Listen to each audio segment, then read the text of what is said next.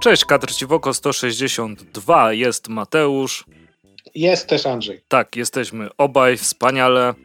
Um, z- zaczęliśmy wesoło, ale jednak zaczniemy niewesoło. Wczoraj, w momencie kiedy nagrywamy wczoraj, czyli w czwartek, w Boże Ciało, e, dotarła do nas informacja, że zmarł Tim Sale. Dużo legend odchodzi ostatnio. No, w tym roku to taka czarna seria, bo najpierw był Neil Adams, później George Perez, teraz, e, teraz Tim Sale. Gdzie, gdzie w tamtych latach, gdzie COVID i w ogóle, to wielu, wielu naprawdę znamienitych artystów odeszło. Mhm. No, wiadomość też o śmierci Tima Sale'a bardzo mocno we mnie uderzyła, bo to chyba mój ulubiony rysownik e, komiksowy. Na tyle ulubiony, że to jedyny, którego mam artbook. Kurczę, te, je, jego prace zawsze, zawsze jakoś do mnie e, przemawiały. Trafiłem chyba na niego tak jak większość osób. O, nie, to, to sobie zaryzykowałem bardzo z tym stwierdzeniem. Jak wiele osób e, trafiłem przez długie Halloween na, na Ale na wiesz, no to się automatycznie jego nazwisko kojarzy z tym tytułem, to jest chyba jego największe dzieło i naj, na, na pewno najbardziej znane. Więc Tak, no właśnie się zastanawiam, czy długie Halloween i te kolejne rzeczy, które są, czy kolorowe komiksy z Marvela? Wiesz co, jak e, ktoś pyta o najlepszego Batmana ever w historii, No to i tak jest to długie Halloween. tyle tego wyszło, to każdy ci powie długie Halloween lub prawie każdy. E, Na pewno znaczna większość topek to będzie numer jeden Long Halloween. A z Marvela to jest gdzieś tam w topkach ta, ta tetralogia kolorów, ale nie zawsze wyskakuje na pierwsze miejsce. Na pewno nie tak często jak długie Halloween. Ale no wiadomo, to są takie dzieła, jedno i drugie, plus cała masa innych, że Mhm. tu naprawdę nie ma się co przerzucać, co jest lepsze, tylko po prostu brać się za lekturę. Jeżeli ktoś nie czytał, to, to, to już w ogóle. Tak, no i, i bardzo charakterystyczny styl, nie? To, co trochę e, zanika moim zdaniem w tych takich masowych komiksach. Znaczy zanika, nie, to też, też przesadziłem, bo są osoby, które nadal tworzą, a, albo pojawiają się nowe, powiedzmy, pojawiają się nowe w przeciągu ostatnich 20 lat, e, jak e, Daniel Warren Johnson. I to jest mega charakterystyczny styl, nie? Tim Sale też się bardzo, bardzo wyróżniał swoim sposobem rysowania. Tak, choć on trochę inną stronę, wydaje mi się, więcej takiej jakby karykatury idącej w stronę groteski, coś jak E, wcześniej. Znaczy nie, nie porównuję e, Daniela Warrena A, tak, Johnsona tak, tak, oczywiście. Tak, ale chodzi o Ty- ty- charakterystykę, ja wiem. Tak, Y, tak, Chodzi tak. o to, że jest taki styl unikalny, charakterystyczny, niepowtarzalny na swój sposób. tak, i, Lub skręcający w takie nurty tego artyzmu, że, że no czegoś takiego nie widzi się zbyt często. Nie? no jak na przykład masz realistyczne budynki, e, proporcje i nagle masz mordę Jokera od Tima Sale'a, nie? Z tymi, z, z taką ilością zębów. Tak, te takie garbate, długie, szpiczaste nosy, brody. tak, Taki tak. trochę, jak chciałem powiedzieć, styl wczesnego Tima Bartona. Podobny, powiedzmy, idący Mhm. w tę stronę, nie dokładnie to samo i to jest super. No, bar- Czy- bardzo czy- lubię czy- też te takie mięśniate postacie od Tima Sale'a pokroju Hulka czy Solomona Grandiego, że wyglądają jak takie hardkorowe winogrona w pewnym momencie. Takie Taka- kloce, Tak, ale, dokładnie, ale taka zbita kupa. No to jak nie znacie Tima Sale'a jakimś cudem, e, no to No, legenda, legenda. legenda, ale komiksy zostają, to, to zawsze jest coś na, na pocieszenie. Ale jeśli chodzi też o znane osoby, to ktoś wrócił do komiksów, prawda? Po tak, bardzo e, ciężkim przypadku. Tak, po tym jak w 2019 roku dostał udaru i spędził 10 dni w szpitalu, to Goran Parlow e, po dwóch i pół roku wraca do rysowania komiksów. Jak sam napisał na Instagramie, że magia wróciła i krąży w jego żyłach i wraca do tworzenia komiksów aktywnego. Ostatnio, kiedy dostał tego udaru, no to pracował na e, Get Fury. E, Chodziło o komiks Punishera do scenariusza Gartenisa. Miało być takie podsumowanie ich współpracy. Mhm. No dostał tego, ten udar i, i niestety z powodów zdrowotnych nie był w stanie pracować, ale no wraca, więc fajnie, miejmy nadzieję, że, że mu się uda, że będzie mógł rysować, że, że jego rzeczy będą mogły e, wychodzić na rynek, bo, bo kreskę ma no fajną, unikalną. Mhm. Troszeczkę styl Eduardo Risse przypomina, E, zresztą ten Punisher jest u nas wydawany, gdzie on też rysował, plus każdy go może kojarzyć z Y, ostatni z mężczyzn. Mm. Jeżeli dobrze kojarzę, więc... Tak, dobrze kojarzysz. Więc wśród takich smutnych wiadomości to, to fajnie, że ktoś tutaj przełamał skutki takiego przekrego wydarzenia i, i gdzieś tam wraca, więc... Zwłaszcza, że tam poważne rzeczy były, prawda? Utrata Wiesz, kontroli uda... nad lewą stroną ciała. Tak, cała jest... strona ciała sparaliżowana.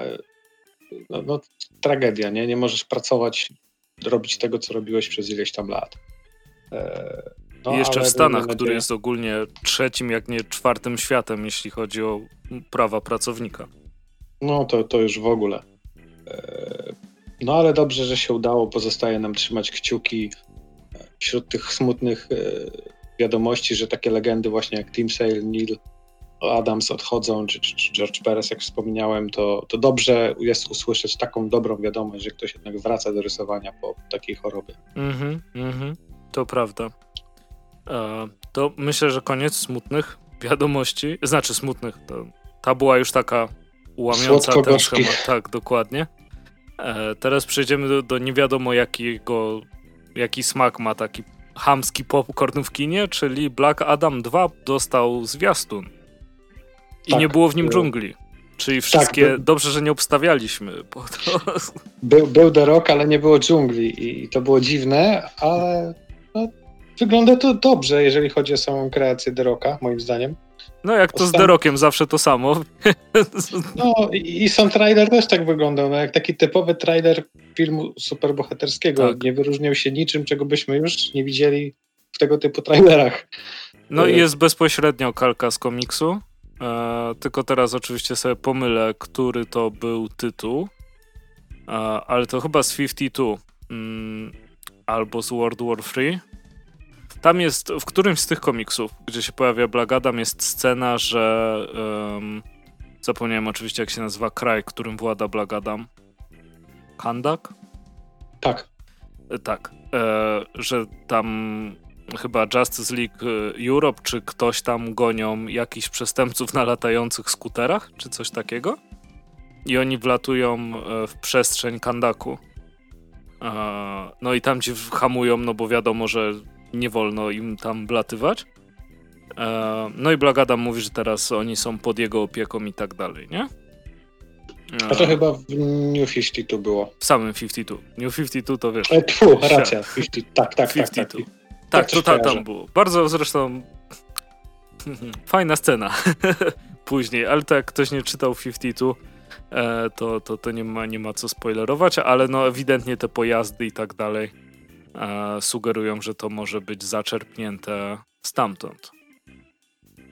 W jakiś sposób inspiracja. No, mi się tak ogólnie no, podobało tak jak, tak jak takie rozrywkowe filmy mi się podobają, czyli o fajnie, chętnie obejrzę, zaśmieję no się parę razy i do domu.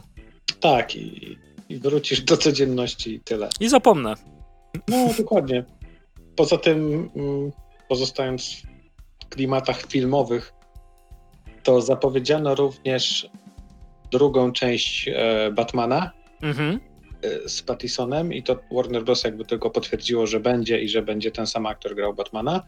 No i zapowiedziano drugą część Jokera, tylko tutaj na Instagramie Todd Phillips wrzucił w zasadzie dwa zdjęcia jakby z okładką scenariusza i z tym, jak Joaquin Phoenix się z nim zapoznaje, co pozwala myśleć, że no dalej będzie po prostu wcierał się w tę rolę.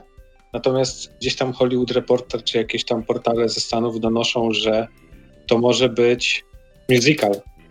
I podobno nawet do roli Harley Quinn jest przymierzona Lady Gaga, ale jak takie plotki się potwierdzą bądź też nie, to już zobaczymy. No ale możemy myśleć, że Joker 2 będzie, chociaż mhm. nie, wiemy, nie wiemy kiedy. No teraz jakby nie patrzeć, to ten kalendarz filmów DC jest trochę napięty, bo mamy w tym roku właśnie Black Adama, a w przyszłym roku będzie drugi Aquaman, będzie Flash i będzie kolejny Shazam. Więc Jak można... Bruce'a Campbella wsadzą na merę, dalej nie wiemy, ale... Ale no, dzisiejsza technologia, wierzymy. Tak, ale też jakby nie patrzeć, jak obecność Harley Quinn trochę może sugerować ten podtytuł drugiego Jokera, którego Tak, jakiś francuski. Pozwolę... Nie będę kaleczył. Nie, nie właśnie, ale to jest... E nie, nie wiem, czy sobie czytałeś, co to oznacza. Tak. E, no, aha, no to, to właśnie to, jak ktoś nie czytał, to to oznacza um, takie schorzenie, kiedy przy przebywaniu e, z osobą, która ma paranoję, osoba, która jest potencjalnie zdrowa, uważa tamtą za całkowicie zdrową i przejmuje tą paranoję. I to może ustać, jak się odcina kontakt, więc jakby idealnie to pasuje do e, potencjalnej Harley Quinn. Tak. A jakby było musicalem, ja bym się mega jarał. No, to jest takie, wiesz, no ryzykowne, bo jak słyszysz coś takiego, to wiesz, wychodzi ci strefa komfortu i w ogóle nie, ale nie, to, to przy, przy odpowiednim reżyserze dobrej wizji to naprawdę może być spoko, szczególnie, że to i tak nie jest główny kanon, nie? Masz Batmana, gdzie jest zupełnie inny Joker, nie? Tam pod koniec była tak, pokazana no. z, z, zupełnie inna postać, więc No, ale to znasz moje zdanie na, na ten temat, w sensie zrobili, e, zrobienie z Batmana a, postaci, która ma tylko jednego przeciwnika ostatecznie e, i to jest utrwalane, to nie tak, że to się teraz wzięło, nie? Jak wychodziły gry, no grałeś w gry z Arkham? No kurde, no, wiadomo. No, no ile razy można tego Jokera tam wepchnąć?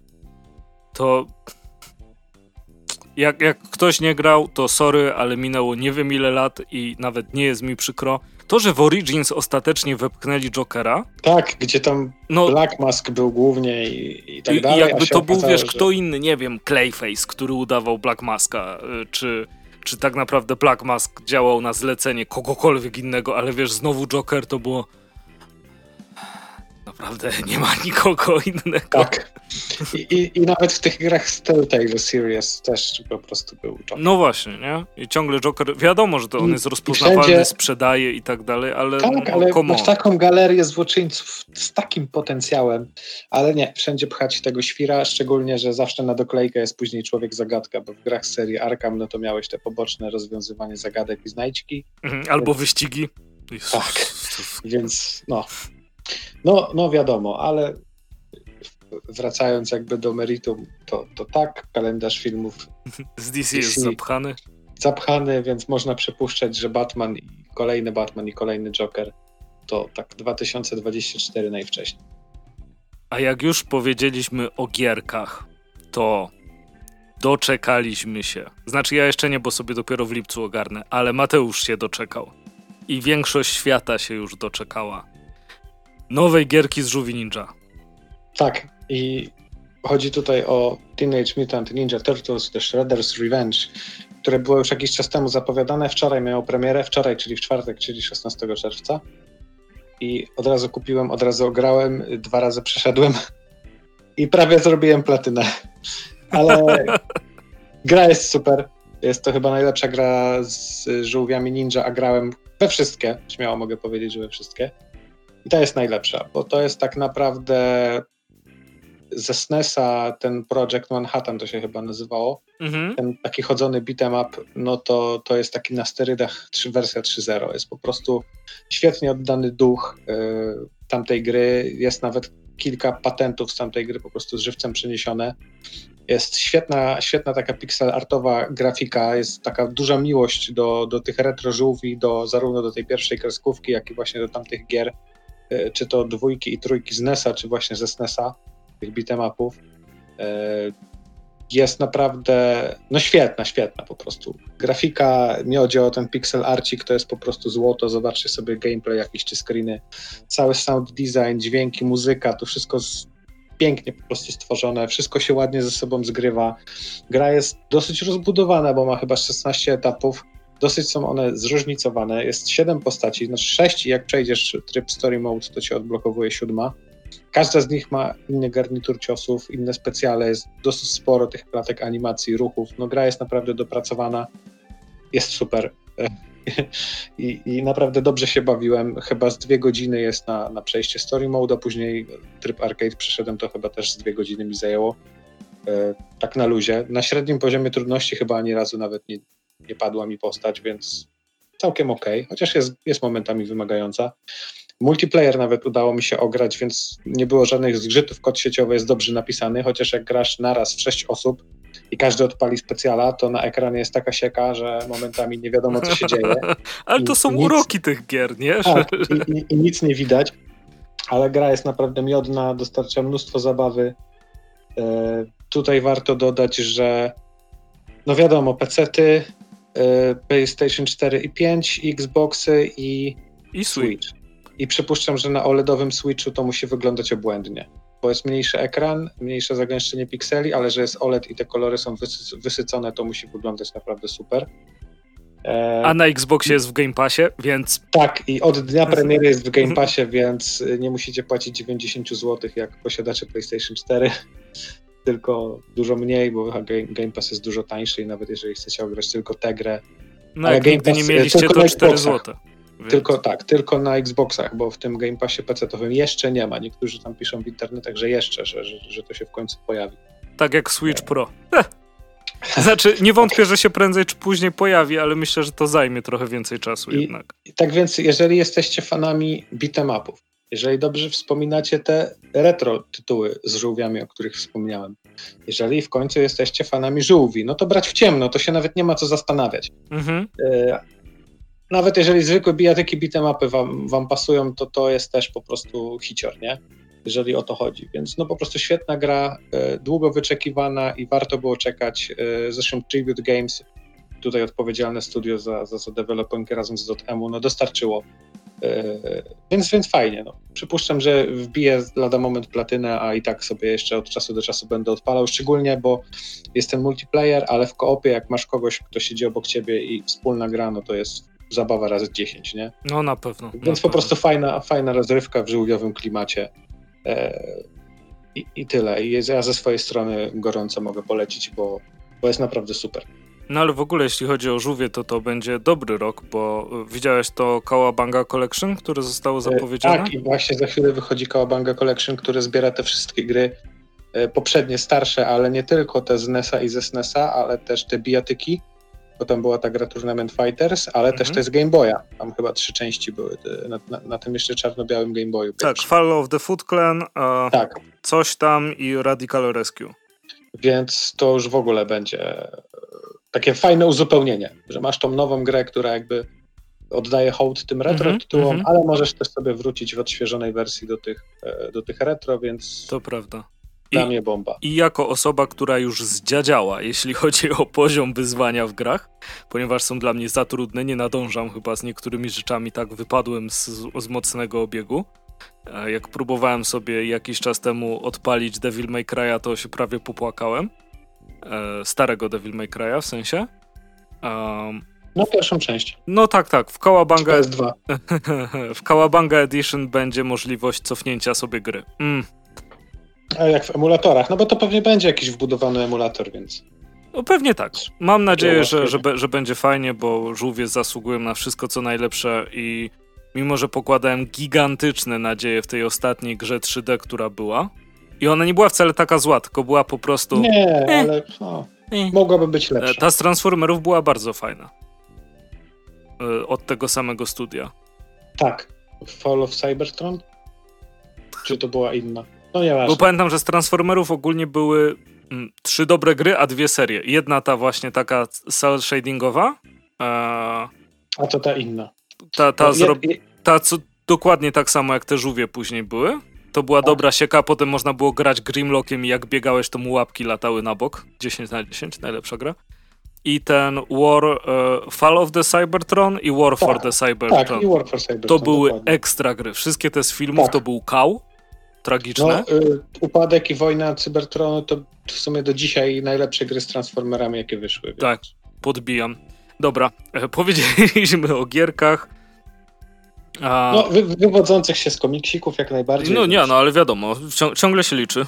Webtoon sobie narobił przypału, jak nie kojarzycie Webtoona, to Webtoon jest takim um, serwisem skupiającym różnego rodzaju e, komiksy internetowe, a narobił sobie przypału swoją kampanią, która była zabawna.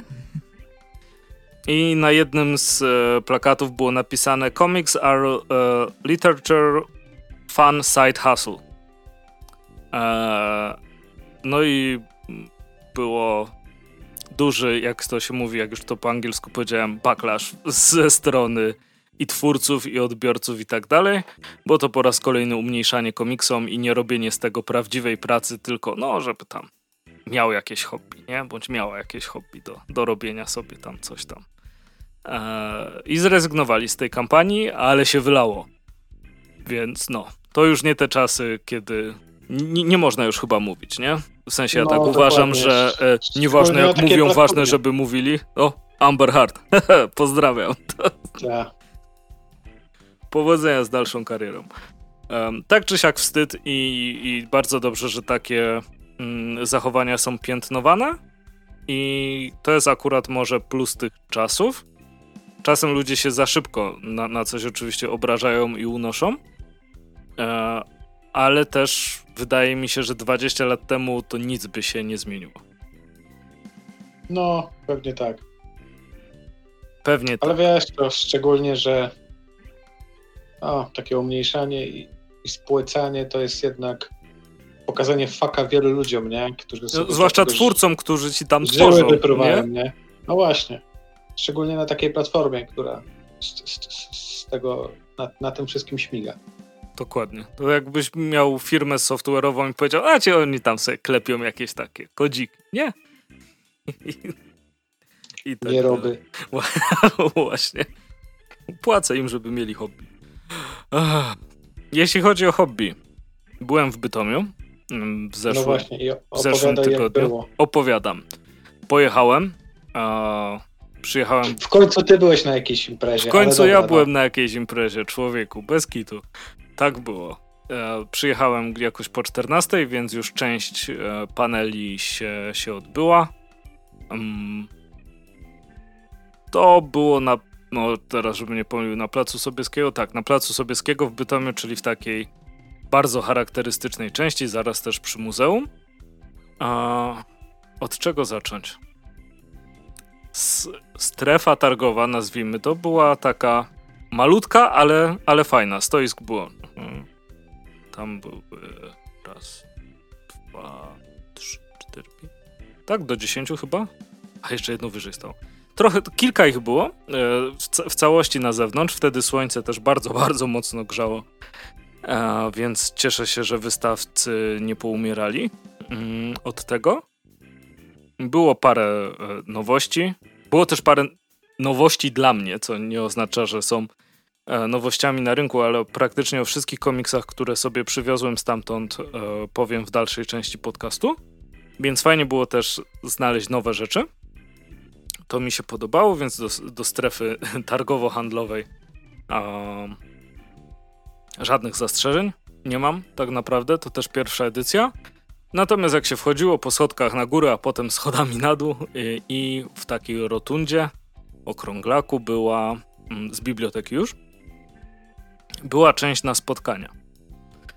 E, I spotkania miały fajną tematykę. E, żałuję, że nie załapałem się na E, spotkanie o polskim podziemiu, bo na pewno byłoby ciekawe. Byłem pod koniec i tam słyszałem jeszcze za, zagorzałą dyskusję w, tym, w tym temacie. Natomiast później jeszcze byłem na, na dwóch spotkaniach. Się też było oczywiście poza tymi organizowanymi spotkać e, ze, ze znajomymi. Mm, I czy mam jakieś zastrzeżenia? O, Ja zacznę od plusów, może. Tak, tak, tak, tak będzie lepiej. Super, że jest w ogóle taka inicjatywa. Gratuluję Wojtkowi, który e, współtworzył to wszystko. Gościł zresztą u nas e, w podcaście Wojtek Zieliński, e, bo wyszło to naprawdę fajnie. E, super, że na mapie pojawiło się coś takiego i mam nadzieję, że nie zniknie e, po, po jednym spotkaniu takim, po jednym wydarzeniu, tylko za rok to wróci ze zdwojoną siłą. Pierwsze edycje zawsze mają e, jakąś taryfę ulgową, prawda? No, głupio, głupio byłoby nie dawać komuś mm, taryfy ulgowej przy pierwszym, bo nigdy nie wiesz, jak to do końca wyjdzie. E, był fajny przekrój, e, dużo rzeczy, e, też można było i poznać, i dostać, i zobaczyć, i przekrój od mm, popularnych, zinowych do e, bardziej artystycznych rzeczy. Naprawdę tak równomiernie to rozłożone.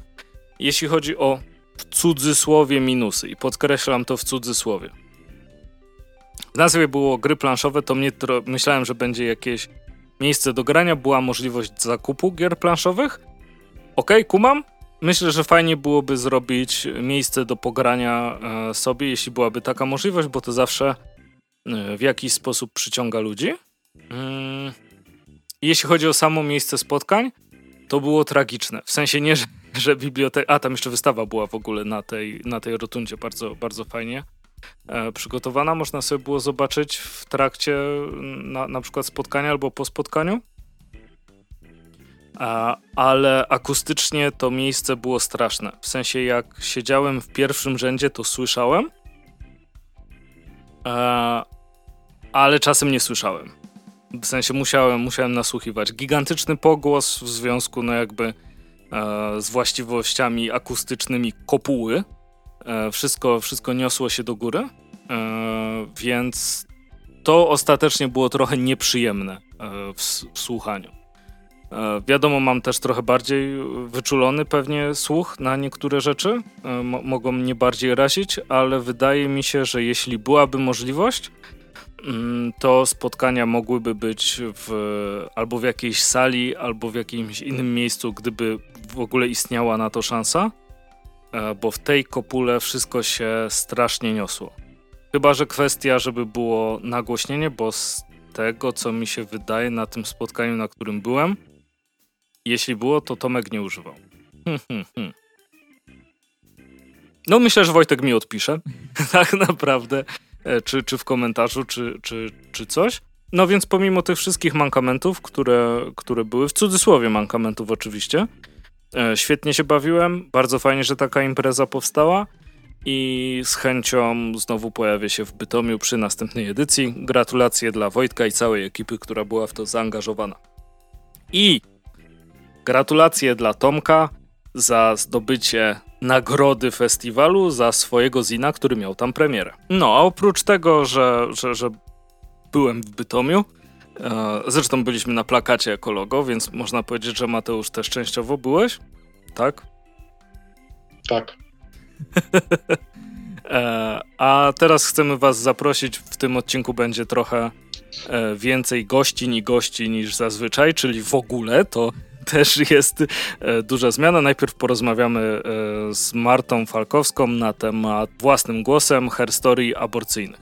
A więc jest z nami Marta Falkowska. Dzień dobry. Dzień dobry. Marta, witamy w naszym podcaście, oczywiście.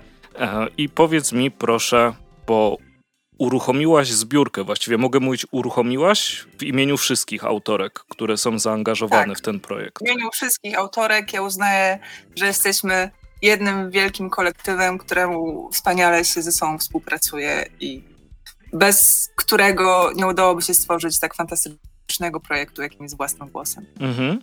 Bo o własnym głosem pierwszy raz internauci, komiksiarki, komiksiarze słyszeli już. Kiedy pierwszy raz się pojawiły informacje? Teraz będę trochę strzelać, ale wydaje mi się, że to był koniec listopada zeszłego roku. Mhm. Wtedy pojawiły się pierwsze informacje na grupie Komiksy Bez Granic, że w ogóle taki projekt powstaje. Mhm. E, potem mieliśmy e, wraz z autorką okładki, Anną Karoliną Kaczmarczyk, spotkanie w ramach Cementu. Mhm. I mniej więcej też wtedy wystartowała strona na Facebooku więc to mniej więcej był ten okres. Możemy uznać ogólnie, że to była końcówka 2021 roku. Okej, okay, no czyli przygotowania do wystartowania Kickstartera zajęły chwilę, no ale kampania już jest, ruszyła. E, jak powiem, że wczoraj to, to będzie kłamstwo w stosunku do tego, kiedy materiał pójdzie w niedzielę, e, w środę, tak? To była śro środa czy wtorek? Że teraz ja się zagubiłem sam. W, to było wczoraj? Czyli środa. Wczoraj była środa. Tak, 15. Tak. Też się zgubiłam, bo dzisiaj przecież jest wolne, też zrobiłam mini wolne i przez chwilę myślałam, że jest, jest sobota. I... tak, bo właśnie i to, to jest problematyczne w dniach wolnych w środku tygodnia, a, że, że mylą po prostu człowiekowi linię czasu. Dobra, ale tak, tak, ruszyła wczoraj i na chwilę obecną z tego co widzę, jest zebrane 2800 zł z zakładanych 12 tysięcy. Tak jest. Też właśnie patrzę na stronę, mam cały czas ją otwartą. E, dokładnie jest tak, jak mówisz.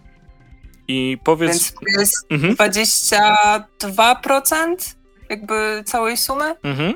Jedziemy cały czas do przodu. I to też dość długa kampania. E, długodystansowa. Tak, to jest dość długa kampania, e, która będzie trwała 50 dni. Skończy się dokładnie 4 sierpnia o godzinie 23.59. I jakby długość tej kampanii wynika e, z konsultacji, które przeprowadziłam z osobami, które są o wiele bardziej doświadczone, jeżeli chodzi o crowdfunding.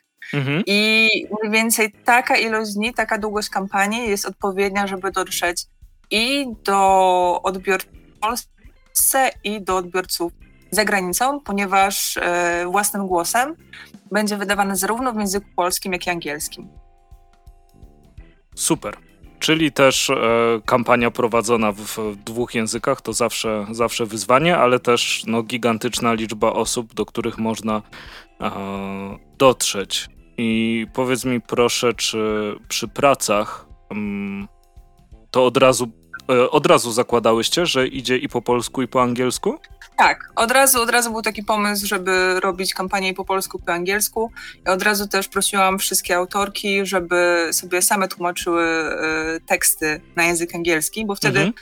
też wychodzi to trochę bardziej naturalnie, a teksty i tak e, przechodzą korektę dwóch fantastycznych tłumaczek, więc nie ma szansy, żeby były jakieś byki. I też z tego, co widziałem e, na samym Kickstarterze, co, co mnie bardzo cieszy, jest dostępna wersja cyfrowa. Jest wersja cyfrowa, tak, to też było bardzo ważne. E, I ja jako czytelniczka komiksów wieloletnia i też będę się przyznawać powoli, że kolekcjonerka, czasami taka bardzo zbierająca, mhm. bo mam na przykład komiksy, które kupiłam w wieku lat 11 i teraz stopniowo je ku niepocieszeniu mojego partnera zwożę do mieszkania we Wrocławiu, a to mieszkanie jest mieszkaniem niewłasnościowym i kiedyś będziemy musieli się przeprowadzić. Ja coraz bardziej się przekonuję do komiksów cyfrowych, bo to jest taka rzecz, która nie traci na wartości, jeżeli chodzi o treść, mhm. a jakby wartość e, w przekazie jest dokładnie taka sama. A jeżeli, jeżeli komuś spodoba, spodoba się treść i będzie chciał wydanie papierowe, to wciąż będzie mógł je nabyć. No, no właśnie, dokładnie. A jest też spora szansa, że E, ktoś e, kupując powiedzmy ze Stanów, jak zobaczy koszt wysyłki do Stanów, to uzna, że może weźmie tą cyfrówkę najpierw i tak w ten no, sposób no. się nie, nie, nie traci, e, nie, nie, traci wspierającej osoby. Bo... Tak, no bo koszt, koszt mhm. wysyłki jest dość wysoki i to jest też coś, ponieważ już kilkukrotnie nacięłam się na cennik Poczty Polskiej, to jest coś, co osobiście skonsultowałam na Poczcie Polskiej. No i niestety tak wyglądają ceny, jeżeli chodzi o wysyłkę za granicę. No są dramatyczne. I ten koszt, tak, ten koszt i tak jest uśredniony, mhm. więc... No jest uśredniony, ale właśnie wydaje mi się, że w przypadku organizowania takiej no, masowej akcji, że jeśli do wysłania będzie szczerze mam nadzieję, tysiące komiksów e, za granicę, mm, no to to się robi gigantyczna suma z tego, prawda? To, to też trzeba, tak, trzeba tak, to jakoś tak. pokryć. A jakaś różnica, że 2 zł w tą, 2 zł w tamtą, to jest nagle 1000 zł. Mhm, I dokładnie. Już, już nie jest tak fajnie. Dobrze, ale jeszcze, jeszcze o samych progach, zanim przejdziemy do, do, do treści. E, najtańszy to jest wersja cyfrowa, prawda? E, czy, czy po, nie, to tak po prostu wsparcie. To jest tak, najtańsze to jest po prostu wsparcie, jeżeli e, chce się wesprzeć projekt bez żadnej nagrody. Mhm. Potem mamy właśnie wersję cyfrową, to jest 35 zł, ponieważ cała kampania jest prowadzona w złotówkach. I potem po kolei mamy e, wersję papierową w języku polskim albo w języku angielskim. Jest e, wersja papierowa plus wersja cyfrowa. I potem wjeżdżają nam takie mini gadżeciki. Mhm. Też nie chciałam żeby ta kampania była taka zawalona różnymi rzeczami, bo tak naprawdę ten komiks jest tutaj najważniejszy. No, no, no, dokładnie. Tu... Czyli, czyli mamy wersję papierową plus wersję cyfrową plus Kickstarter Exclusive, e, naszywka z logiem antologii. Nie wiem, czy kojarzysz taki ołówko pioru tak, czerwone. Tak, no, no jest w profilowym zdjęciu, kojarzę jak najbardziej. Tak, ale musiałam się zapytać. I potem mamy e, jak na razie najwyższy próg, najdroższy próg. E, to jest zestaw, gdzie jest e, wersja papierowa komiksu, wersja cyfrowa oraz trzy printy z ilustracjami trzech fantastycznych polskich ilustratorek: Katarzyny Borkowskiej, Marty Szu i Patrycy, Patrycji Wójcik. Mhm. I to jest nasz ostatni próg. I teraz chyba już mogę powiedzieć, że oprócz tych progów w lipcu pojawi się jeszcze dodatkowy limitowany próg. Jak bardzo limitowany w takim razie? Jak bardzo limitowany? Myślę, że tak 20 e, sztuk. Mhm. Wracając do e, jakby rozmów z osobami bardziej doświadczonymi, to też e, jakby dostawałam takie mini porady, że najlepiej prowadząc taką kampanię, która jakby rozgrywa się międzynarodowo, jest wrzucać y, nowy próg co półtorej tygodnia, czyli co półtorej tygodnia przygotować nową paczkę nagród, ale myślę, że to nie jest działanie odpowiednie do tej kampanii, mhm. więc pojawi się tylko jeden próg, jeden dodatkowy próg. No, ta, to, to jest zrozumiałe, bo część osób wydaje mi się, że mogłaby to odebrać jako taką mm, robienie merczu trochę na no czymś, właśnie, co, właśnie co tego, nie powinno. Tego troszkę się bałam, Jasne. dlatego są tylko dwa gadżeciki, czyli mamy tą przyszywkę i mamy printy mhm. i raczej już takiego nic wielkiego, specjalnego się nie pojawi. Bo kampanie Kickstarterowe mają do siebie to, że to są takie kampanie, gdzie tak bardzo sprzedajesz rzeczy, a czy tak bardzo zachęcasz ludzi do nabycia twoich rzeczy, że wszystko obsypujesz brokatem, mhm. a my tego brokatu sypiemy tylko troszkę. Tyle, ile potrzeba, więc to, Tyle, ile potrzeba. to też zrozumiałe. E, z samej kampanii... Lśni się, ale bez przesady. o, to prawda. E, z samej kampanii wyczytałem, że e, planowana premiera to jest festiwal w Łodzi, a wysyłki tak od października. Ale czy, to, czy osoby wspierające będą mogły odebrać to w Łodzi? Myślę, że tak. Planuję, że tak. Planujesz, dobrze. Nie wiadomo, jak z drukarniami tak. jest oczywiście, więc to, to znaczy, zawsze tak, trzeba brać pod uwagę. Mam, to też już mam na. Yy, chciałam powiedzieć na oku, ale to nie jest to słowo. Mam, mam to z tyłu głowy, cały mhm. czas o tym myślę, ponieważ barszlaki spóźniły się dość mocno przez, przez to, że druki zapchane. I się skrzywiły e, też trochę w drukarni. I pamiętam. się skrzywiły trochę też, były drukowane przez miesiąc, w ogóle jest dla mnie niewiarygodne. E, więc myślę, że w sierpniu bardzo będzie nas gonił czas, ale tak jak ci powiedziałam jeszcze, zanim zaczęliśmy nagrywać, po raz pierwszy od bardzo dawna jestem bardzo spokojna i czuję się bardzo zorganizowana i myślę, że damy radę. Super, a powiedz mi o samym, samym procesie twórczym, bo o, oczywiście za, zachwycamy się tym, że to wychodzi, natomiast wychodzi e, spowodowane bardzo przykrymi rzeczami, prawda? W sensie sama idea powstała w, w odpowiedzi na to, co się dzieje w Polsce, prawda? Tak, tak. Sama idea tak naprawdę zaczęła powstawać już w okolicach 22 października 2020 roku. Mhm. Przepraszam, musiałam się odwrócić, bo nie wyrzuciłam kota z pokoju, bo nie chciał. E, tak, wracając. Y, rozpoczęła się w okolicach 22 października 2020 roku i tak narastała, narastała aż e, w końcu zebrała się grupa autorek. A czekam, aż w końcu ktoś się przyczepi i powie, że u, czemu tam są tylko artystki. Zebrała się grupa autorek, mimo, mimo tego, że w opisie tak naprawdę e, napisałam, że nie wykluczam panów, ale jakby kiedy już zebrała się tak potężna grupa fantastycznych polskich artystek, to razem uznałyśmy, że w zasadzie nie potrzeba już nikogo więcej do tego kolektywu. Mhm.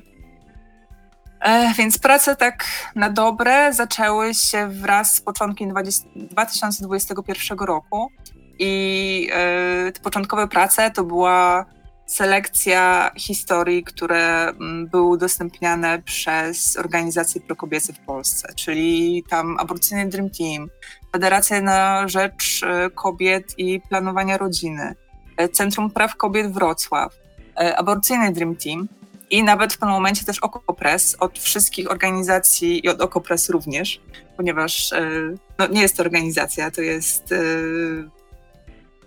dziennik cyfrowy. mhm.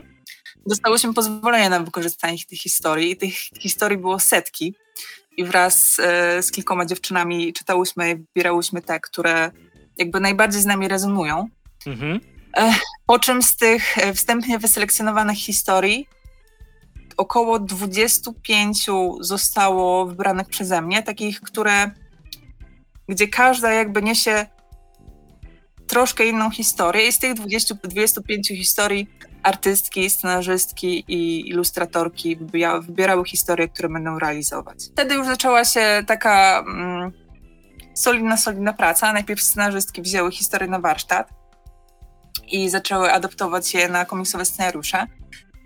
E, oczywiście nie wszystkie historie były tworzone w duecie, więc też ilustratorki będące scenarzystkami wzięły, wzięły te historie na tapet. I e, po skonsultowaniu wszystkich scenariuszy rozpoczęła się, e, rozpoczęło się przykładanie języka pisanego na warstwę graficzną. I początkowo termin miał się skończyć 30 września, bo też e, starałyśmy się o grant krytyki politycznej. Niestety nie udało nam się. I wtedy też jakby potwierdziłyśmy, że wszystko odbędzie się na Kickstarterze. Mhm.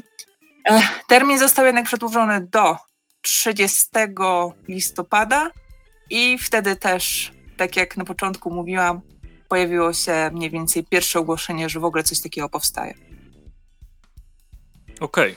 Okay. To je jeszcze mam pytanie do ciebie, bo e, no, zarówno pracujesz przecież e, przy warchlakach, przy swoich rzeczach. Jak, jakie emocje jakby ci towarzyszą w momencie pracy nad czymś, co e, jest, jak teraz powiem, to można to odebrać na bardzo różne sposoby, przy, czym, przy czymś aż tak społecznie poważnym. O, może, może tak. Powiem ci, że na początku to było bardzo dużo złości i tak naprawdę e, kiedy zaczynałam pisać o tym projekcie, zaczynałam mówić o tym, że robimy coś takiego, to też zaczynałam od tego, że pierwszym impulsem była złość. Mhm. I ta złość towarzyszyła mi bardzo długo, ale nie wiedziałam zupełnie, e, jak ją przelać, bo można, można chodzić na protesty, można jakby działać w małą ompremie społecznie, ale to wciąż nie jest dość, a ja ani nie jestem jakąś super specjalną aktywistką, ani nie jestem polityczką. Mogę rozmawiać ze, ze swoimi znajomymi, ale to nie jest wystarczająco dużo. To jakby wciąż nie, nie, nie, nie usypia tej złości. Cały czas czuję się taką potrzebę do działania. Więc stwierdziłyśmy, że to, co możemy zrobić, to opowiedzieć tę historię, a czy zrobić to, co robimy najlepiej, czyli opowiedzieć historię, ponieważ jakby tym się zajmujemy i, i to zrobiłyśmy. I czy um, czy ta złość w jakiśkolwiek. Wątpię, żeby zniknęła, patrząc też na to, jak wygląda niestety świat, ale czy ona się jakoś zmniejszyła? Tak, tak, oczywiście. Na szczęście tak. E, też musimy wziąć pod uwagę, że e, jesteśmy już trochę dalej od punktu wyjściowego, mhm. więc e, wydarzyło się bardzo dużo rzeczy. Od czasu do czasu powracała, ponieważ pojawiały się takie małe bodźce, które, które ją budziły czy to mm, Kaja Godek, która gdzieś tam zasnęła przy inwazji Rosji na Ukrainę i zamiast, tak jak mówiła, celebrować życie, obudziła się po miesiącu, żeby rozdawać Ukrainkom ulotki o tym, że aborcja w Polsce jest nielegalna. Czy to ostatnie doniesienia ze Stanów Zjednoczonych, mhm. czy to te, oh, teraz, żeby to dobrze ubrać słowa, czy tragiczna śmierć Izabeli z Pszczyny, wiesz, mhm. to są takie właśnie rzeczy, które powracały i znowu Ach, mam, to, mam nadzieję, że to nie, nie zabrzmi źle, ale które, o wiem jak to, wiem jak to ubrać w słowa, które e, potwierdzały, że ten projekt jest ważny. Mhm. Po prostu. E, I właśnie odnośnie ważności tego projektu, powiedz mi, czy póki co, dopiero jest oczywiście start kampanii, e, z jakim odbiorem się spotkałaś?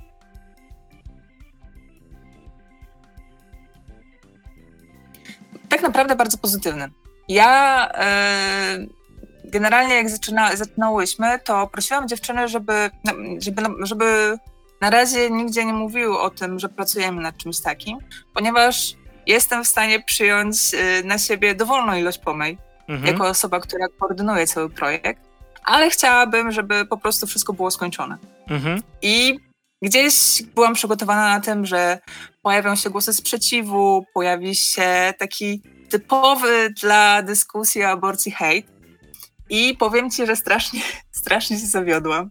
Wiem, że to zabrzmi dziwnie, ale kiedy po raz pierwszy wrzuciłam e, informacje na grupę komiksową mhm. i e, do siebie, na swoje media społecznościowe, to spotkałam się z ogromem wsparcia. I to też był dla mnie taki bodziec, że hej, dobrze, no to lecimy dalej.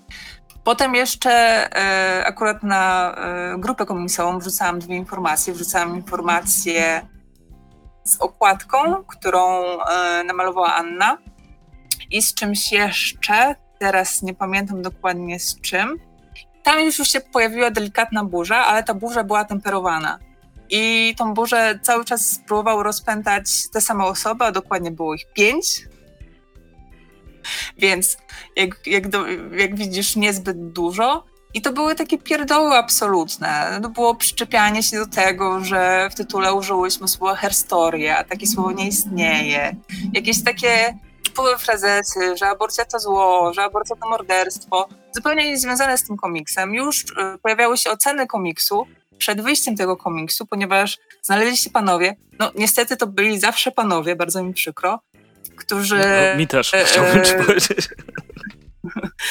oceniali, oceniali to wszystko już, już jakby na etapie trzech różnych plansz, nawet e, nie zagłębiając się w żadne informacje, które zostały podane na, na fanpage'u już wtedy istniejącym.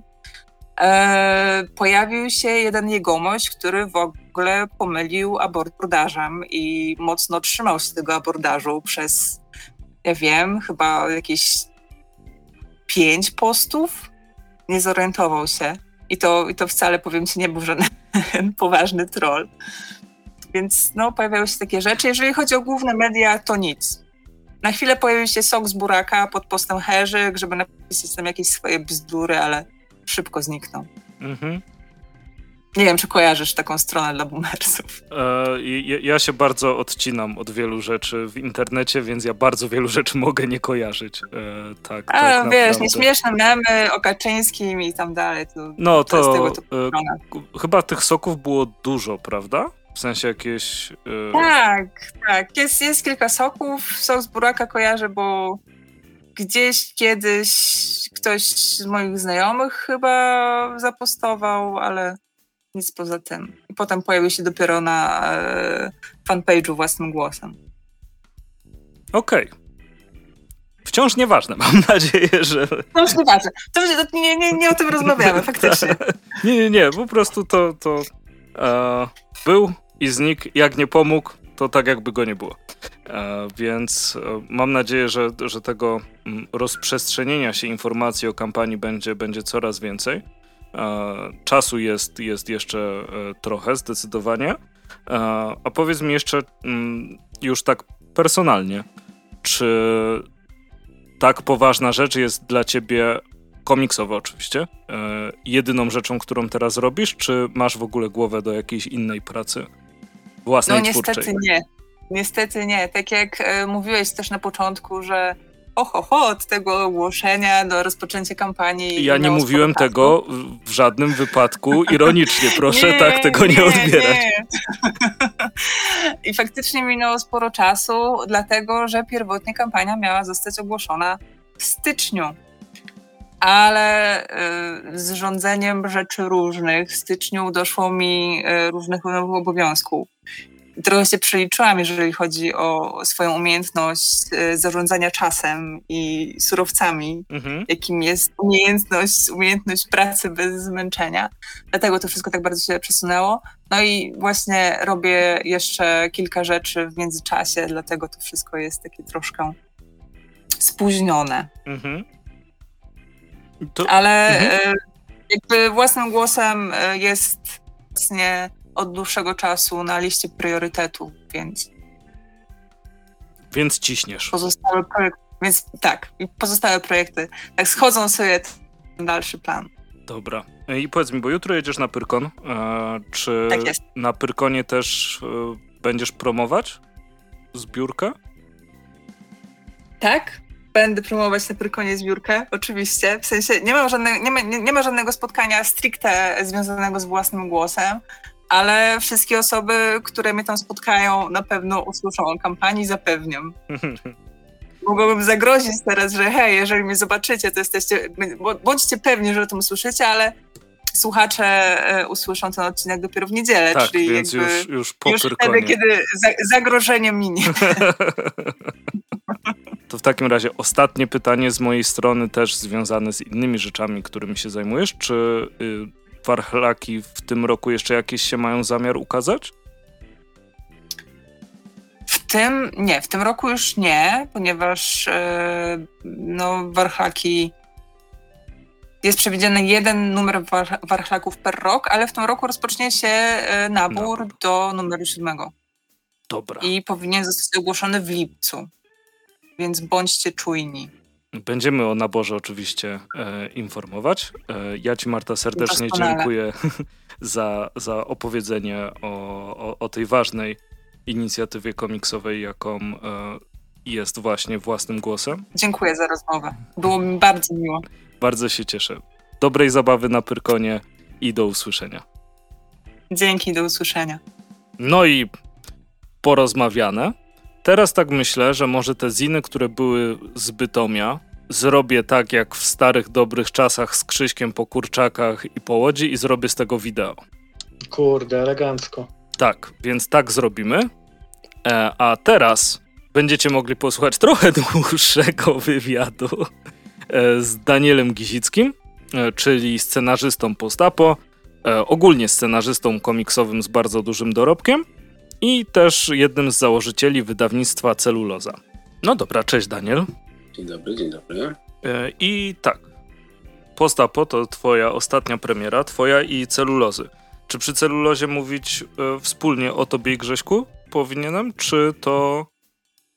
Tak, tak, tak, jak najbardziej. No, ja i Grzesiek jesteśmy jakby 50-50 w tym projekcie. Mhm. Jeśli chodzi o decyzyjność, o wkład finansowy i o wszystko, myślę, że wkład pracy też, choć, choć ostatnio jakby Grzesiek dużo więcej przy tym pracował. Mhm. Ale, ale tak, no jakby to jest nasz wspólny projekt. Jesteśmy ojcami, założycielami tego wydawnictwa, więc no natomiast przy Postapo jeszcze mm, współpracowaliśmy z, z wydawnictwem Słowo Obraz, które mm, jest oficjalnym wydawcą. Mhm. A celuloza troszkę bardziej pełni funkcję takiego imprintu Okej. Okay. I tak samo będzie przy reprintach poprzednich części, tak? Tak, tak, e, tak, tak, tak. Jakby mm, słowo obraz y, y, będzie z nami współpracował już przy, myślę, że przy większości tych większych premier. Mhm. Bo też planujemy jeszcze inne rzeczy w przyszłości najbliższej. No i bardzo jakby nam się fajnie współpracuje z Kasią. Jest po prostu no, dużo się nawzajem od siebie chyba uczymy. Może bardziej my od Kasi. Mhm.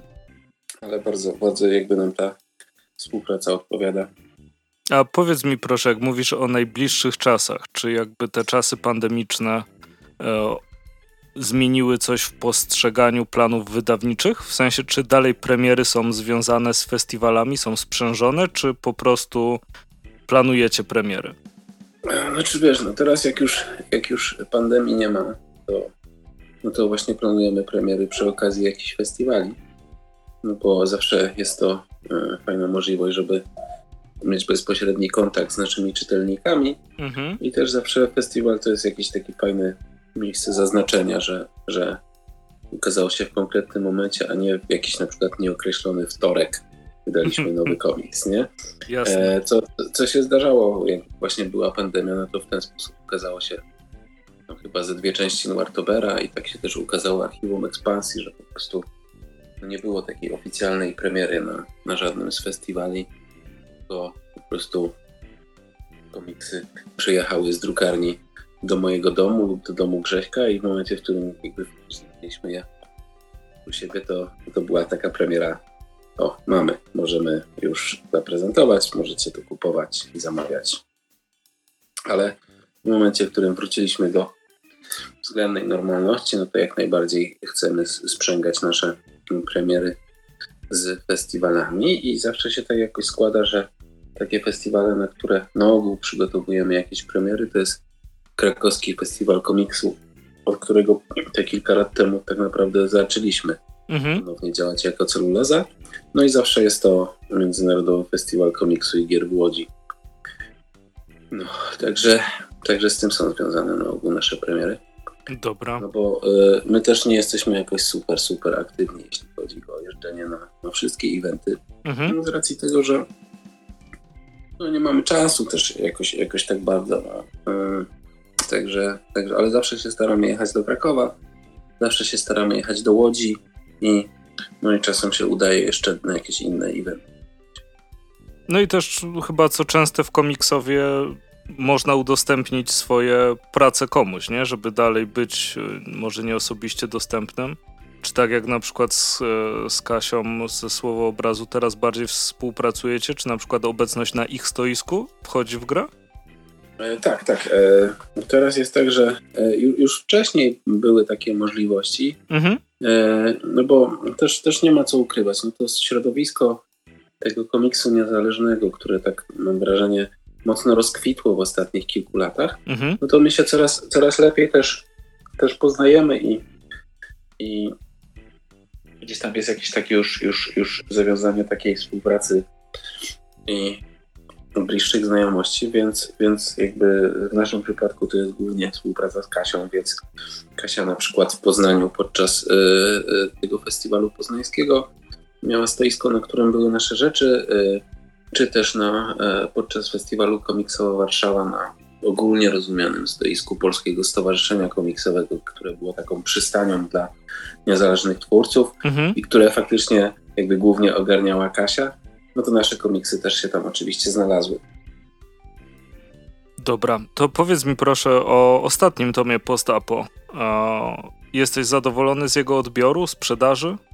I właściwie, jako dla twórcy niezależnego, ważniejszy, ważniejsza jest dla ciebie sprzedaż czy odbiór?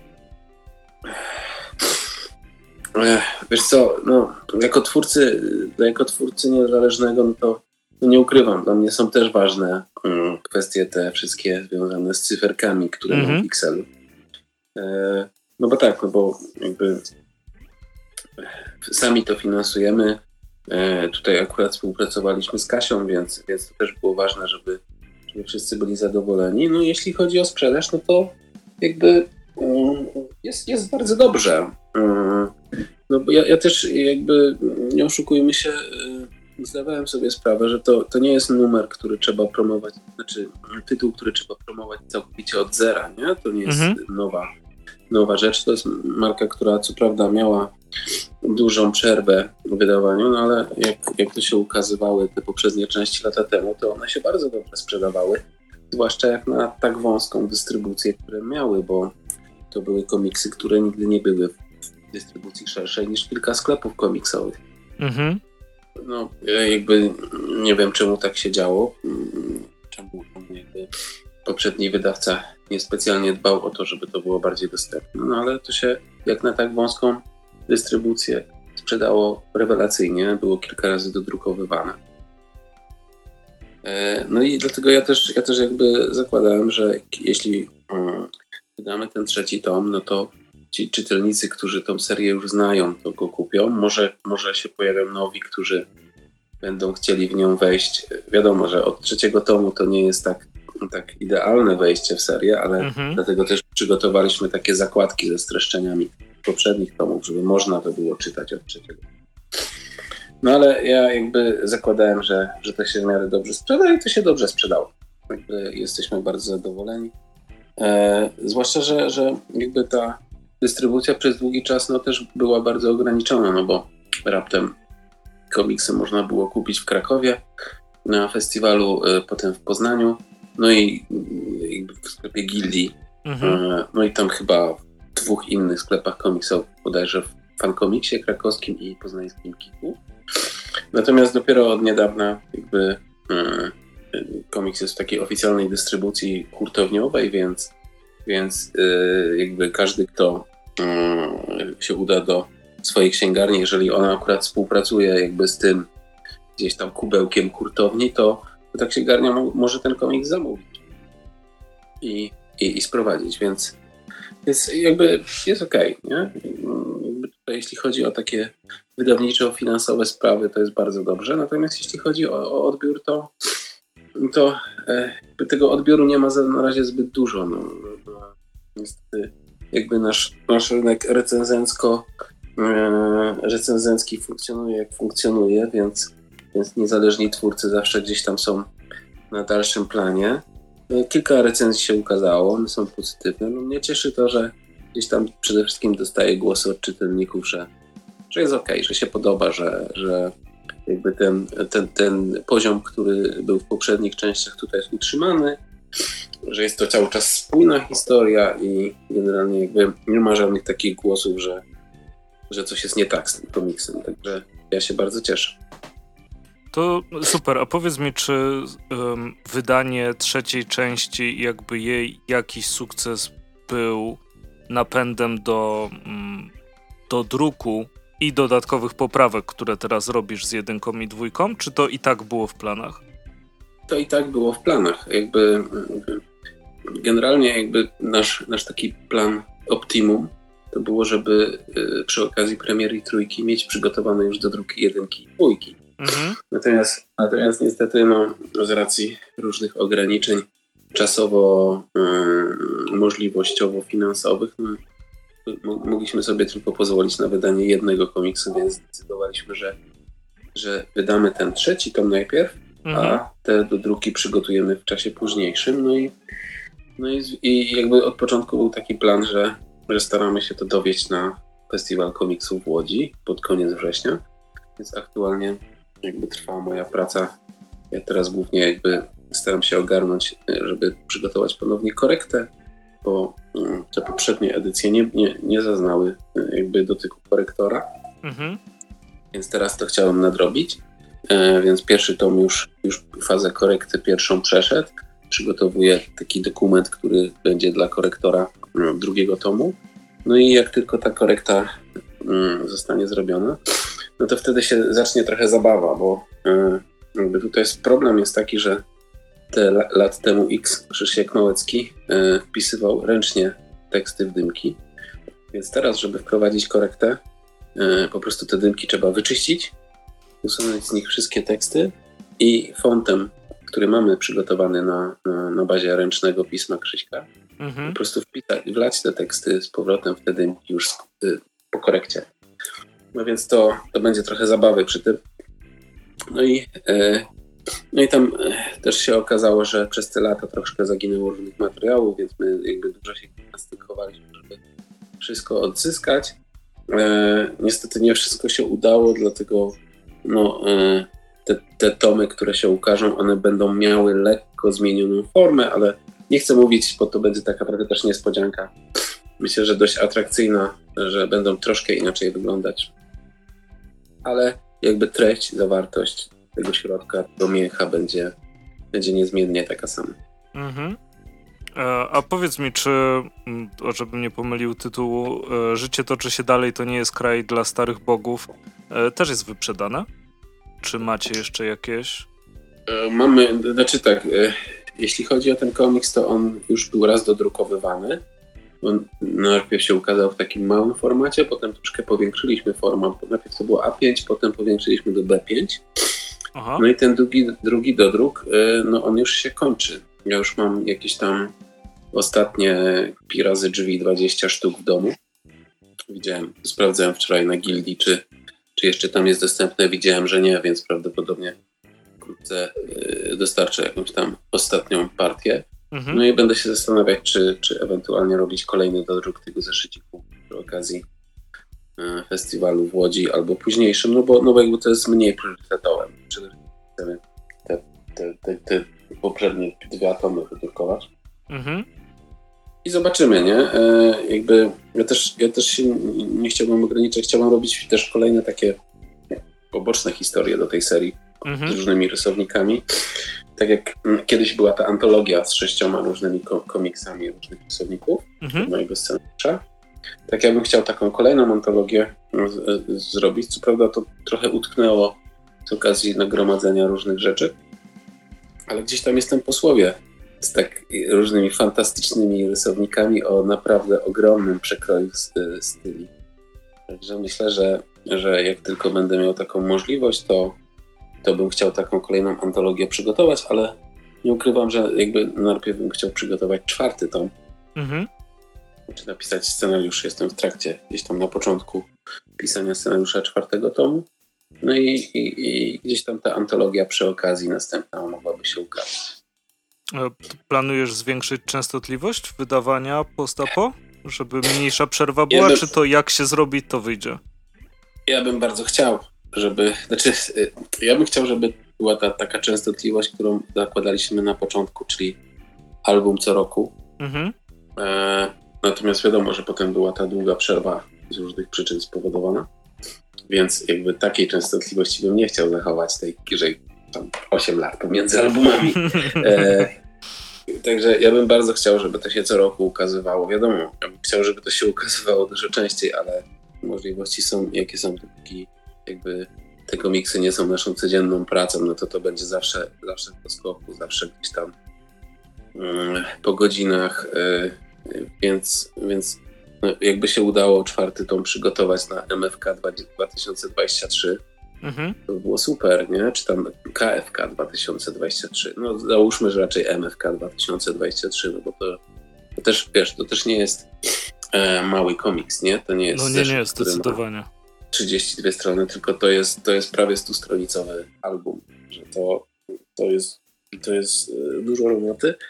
E, fajnie jest to, że, że jakby mamy z nami teraz na pokładzie Pasza Rydzewskiego, który przez to, że będzie jakby swój wątek ciągnął, e, to, to, to jakby ta ilość pracy się troszkę, ona się nie zmniejszy, ale ona się jakby trochę e, synergizuje w czasie, nie? Mhm. Że po prostu jakby może powstawać więcej kontentu w tym samym czasie, więc dzięki temu może to się uda troszkę przyspieszyć.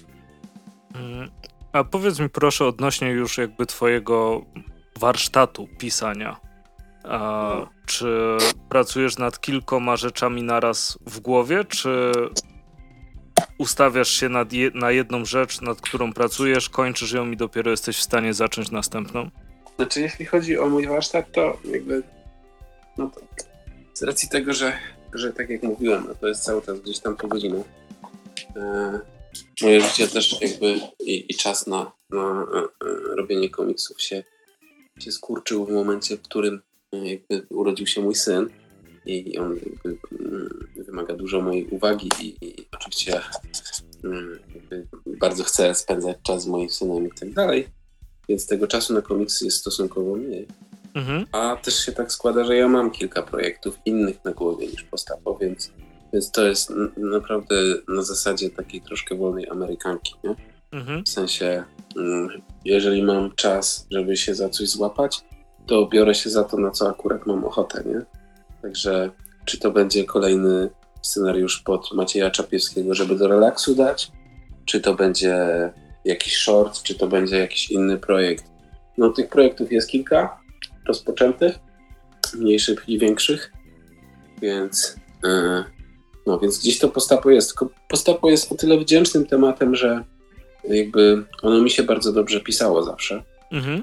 E, więc więc e, to też nie było tak, że ja nie wiadomo jak długo i mozolnie pracowałem nad tymi scenariuszami. Na ogół to były takie sesje, że wiesz, ja siadałem ty, tydzień, dzień w dzień e, po pracy, czy tam wstawałem wcześniej, żeby przed pracą pracować. Mniej więcej w tydzień byłem taki w stanie taki rozdział napisać, bo mi się jakby ten, akurat ta seria mi się pisze bardzo szybko. Mhm. W porównaniu do innych rzeczy. Natomiast no, jakby kwestią jest ta, teraz taką, że, że gdzieś muszę ten czas wygospodarować, a to jest coraz trudniejsze. Mhm. A powiedz mi właśnie odnośnie trudniejszych rzeczy. A jak bardzo ceny papieru wam namieszały przy trzecim tomie postapo? Inflacja i cała reszta? Wiesz co, trudno mi powiedzieć, dlatego że myśmy wcześniej jakby tak dużego komiksu nie robili. Okay. Więc nie mamy takiego, wiesz, jakby przełożenia, że a tam rok temu płaciliśmy X, a teraz płacimy X razy tam, nie wiem, 0,6%, nie? Mhm. 60. Czy tam, czy tam razy dwa. E, więc trudno mi powiedzieć, no e, jakby ja, ja, takiego strasznego jakby pod, podwyżki tego nie widzę, no bo my gdzieś mniej więcej to, to post, te, ten wartobery drukujemy co pewien czas, mhm. więc, więc one są zawsze w podobnych nakładach, to jest zawsze tak samo skonstruowany zeszyt, one są identyczne, jeśli chodzi o rozmiar i formę. E, poza jednym numerem, który testowaliśmy inną drukarnię, e, ale jakby trzymamy się naszej drukarni foto i druk, jeśli chodzi o te rzeczy, bo postawa akurat było w sobie drukowane. No to, e, to jakiejś takiej wielkiej podwyżki nie, jakby nie zauważyliśmy. No to jest podwyżka. Jeżeli byśmy drukowali dziesiątki tysięcy egzemplarzy, to by było jakby widoczne bardzo. Tutaj widzimy, że nie, tam powtórzy, podrożało chyba o 100 kilkadziesiąt złotych. Mhm. Więc, więc w naszym przypadku no to, to, to nie jest jakaś wielka różnica. Więc, więc ja, ja, ja się tak bardzo tą inflacją nie przejmuję. A poza tym, jakby no, z racji tego, że, że ja też mam coraz bardziej takie podejście, że wiesz, że jak zaczynaliśmy celulozę, to mieliśmy dużo z takich neurotycznych lęków, czy czy my nie przesadzamy z ceną, czy, czy to nie będzie za drogie. Mhm. A, a, a, coraz bardziej mam takie jakby podejście, że kurczę, czemu my zawsze jakby musimy podchodzić z takiej, takiej pozycji, czy, czy jesteśmy good enough. Jesteśmy good enough i jakby dajemy taką cenę, jaką uważamy za słuszną. Ona się może niektórym odbiorcom wydawać za wysoka. Mi się mhm. wydaje, że jest w sam raz, bo to są jakby w przypadku Postapo to jest 49 zł cena okładkowa za prawie 100-stronicowy album. W przypadku tych zeszytów to gdzieś są ceny w okolicach 20-25 zł za gdzieś tam powiedzmy zeszyty od rozpiętości od 30 do 50 stron. Więc mi się wydaje, że to są ceny ok. I, i, no, i, no, i, no i tak to, nie? Jakoś to działa. E, powiedz mi jeszcze proszę, czy w tym roku celuloza coś planuje jeszcze oprócz wznowienia postapo? Tak, tak, planujemy. E, czy generalnie e, jakby postapo jest takim głównym priorytetem, żeby to się ukazało i, mhm. i po prostu jakby no, to jest zarówno priorytet z takiej jakby ambicjonalnej strony, no bo ja bym chciał, żeby moja seria taka, która jakby e, też tak dziwnie jest mówić y, y, w momencie, w którym ja jestem cały czas aktywnym twórcą, że to jest moje opus magnum, no ale to trochę jest moje opus magnum. Mhm. Więc ja bym chciał, żeby to cały czas było dostępne w sprzedaży i żeby kolejni czytelnicy, którzy by chcieli tą serię poznać, to mogli ją bez problemu dostać, więc, więc to, to jest jedno. A, a dwa, że w momencie, w którym ma się ileś tomów serii, no to one się same napędzają. Nie? Mhm. Sprzedażowo, więc, więc dobrze to mieć, więc to jest priorytet ale jakby y, kilka projektów jest, jest cały czas obok. Jest taki projekt, który jest mocno zaawansowany w produkcji. To jest, to się nazywa Low Story, pisane jako Love Story przez U. W sensie tam jakby chodzi o tą taką dwuznaczność brzmieniowo pisaniową, mhm. no to jakże to z jednej strony ma być taka historia o miłości, a z drugiej strony jest to taka historia jakby dołująca. E, to jest taka obyczajowa, e, obyczajowa historia, którą ja napisałem już dawno, dawno temu. Wtedy e, jakby wstępnie autorką rysunków miała być Anna Miśkiewicz, ale jakoś tak się złożyło, że przygotowałem scenariusz trzech rozdziałów. Ania wykonała kilka, kilka planż takich próbnych to zostało rozesłane do różnych polskich wydawców, no i nie spotkało się ze specjalnym zainteresowaniem ze strony tych wydawnictw. Mhm. Natomiast jakby potem moje drogi twórcze z Anią się rozeszły, a scenariusz został, więc e, e, ja sobie go jakby gdzieś tam e, grzebiąc po, po różnych płytach z, z, z, rzeczami ze starych komputerów, znalazłem ten scenariusz, przeczytałem go sobie, troszkę go przerobiłem no i, i, i dalej mi się ten scenariusz bardzo podobał, więc stwierdziłem, a, to poszukam serysownika, nie? No i generalnie gdzieś tam ogłaszałem przez taką grupę, którą prowadzę na Facebooku. Ona się Szukam scenarzysty, rysowników, kolorysty. Tam generalnie ludzie mogą właśnie zgłaszać, że, że kogoś szukają do współpracy, czy tam chcą dać zlecenie. Gdzieś tam szukałem, a, a Grzesiek Pawlak tak do mnie, a weź w ogóle pokaż scenariusz, nie? No i on go przeczytał i mówi, że to jest fajne, on by to chciał narysować, ale on nie wie jak, coś tamtego. I żeśmy tak zaczęli sobie gadać. Chyba y, wydaje mi się, że to w ogóle było w okresie, kiedy byliśmy.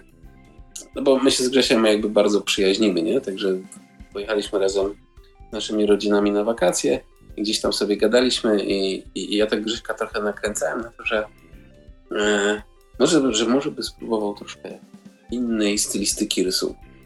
W sensie, no Grzesiek jest bardzo takim precyzyjnym rysownikiem, nie? Tam, mm -hmm. tam jest wszystko tak po prostu e, zrobione super dokładnie i, i, i widać, że tam po prostu Grzesiek jest takim perfekcjonistą, jeśli chodzi o te standardowe komiksy, które robi.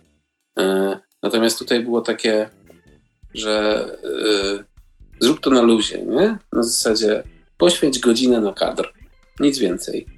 I totalnie po prostu, wiesz, bez szkiców, jedź od razu na żywca, na tablecie. E, no i, i Grzesiek sobie to testował, testował, gdzieś tam szukał tego stylu, szukał palety barw i nagle znalazł taką fajną, po prostu ta, to dalej widać, że to jest ten charakterystyczny styl Grześka Pawlaka, nie? Mhm. E, natomiast widać, że ta kreska jest luźniejsza, że, że to jest takie mniej precyzyjne i takie, takie bardziej żywiołowe. I jeszcze fajnie to się zgrywa z tym, że, że zdecydowaliśmy się na taką paletę takich jakby, że to nie jest czarno-białe, tylko jest takie biało-niebieskawe, nie? Mhm. I to mega fajnie wygląda.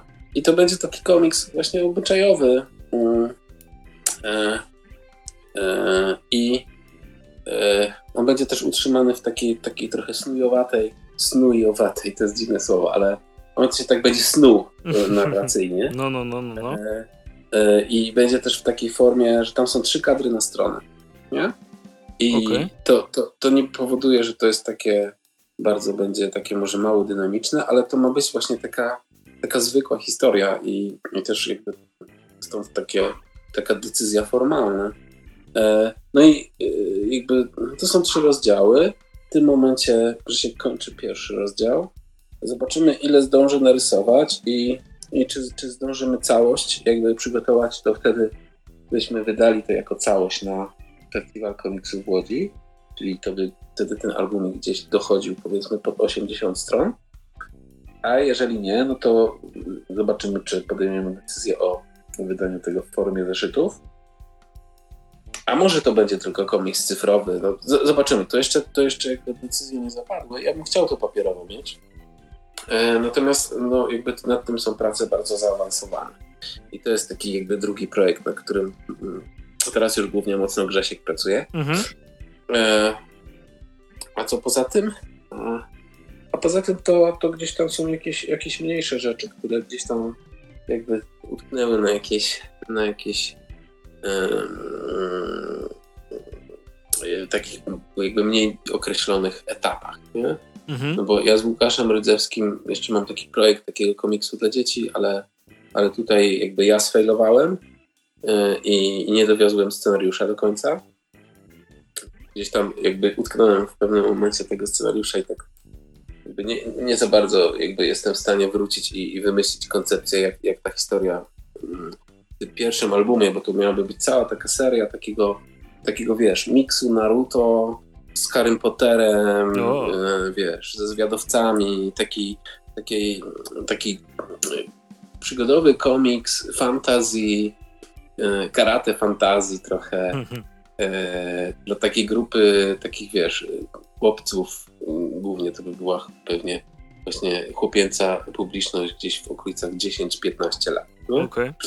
No, e, no ja mam cały jakby wymyślony cały lore i sobie tam już cały world building został odklepany.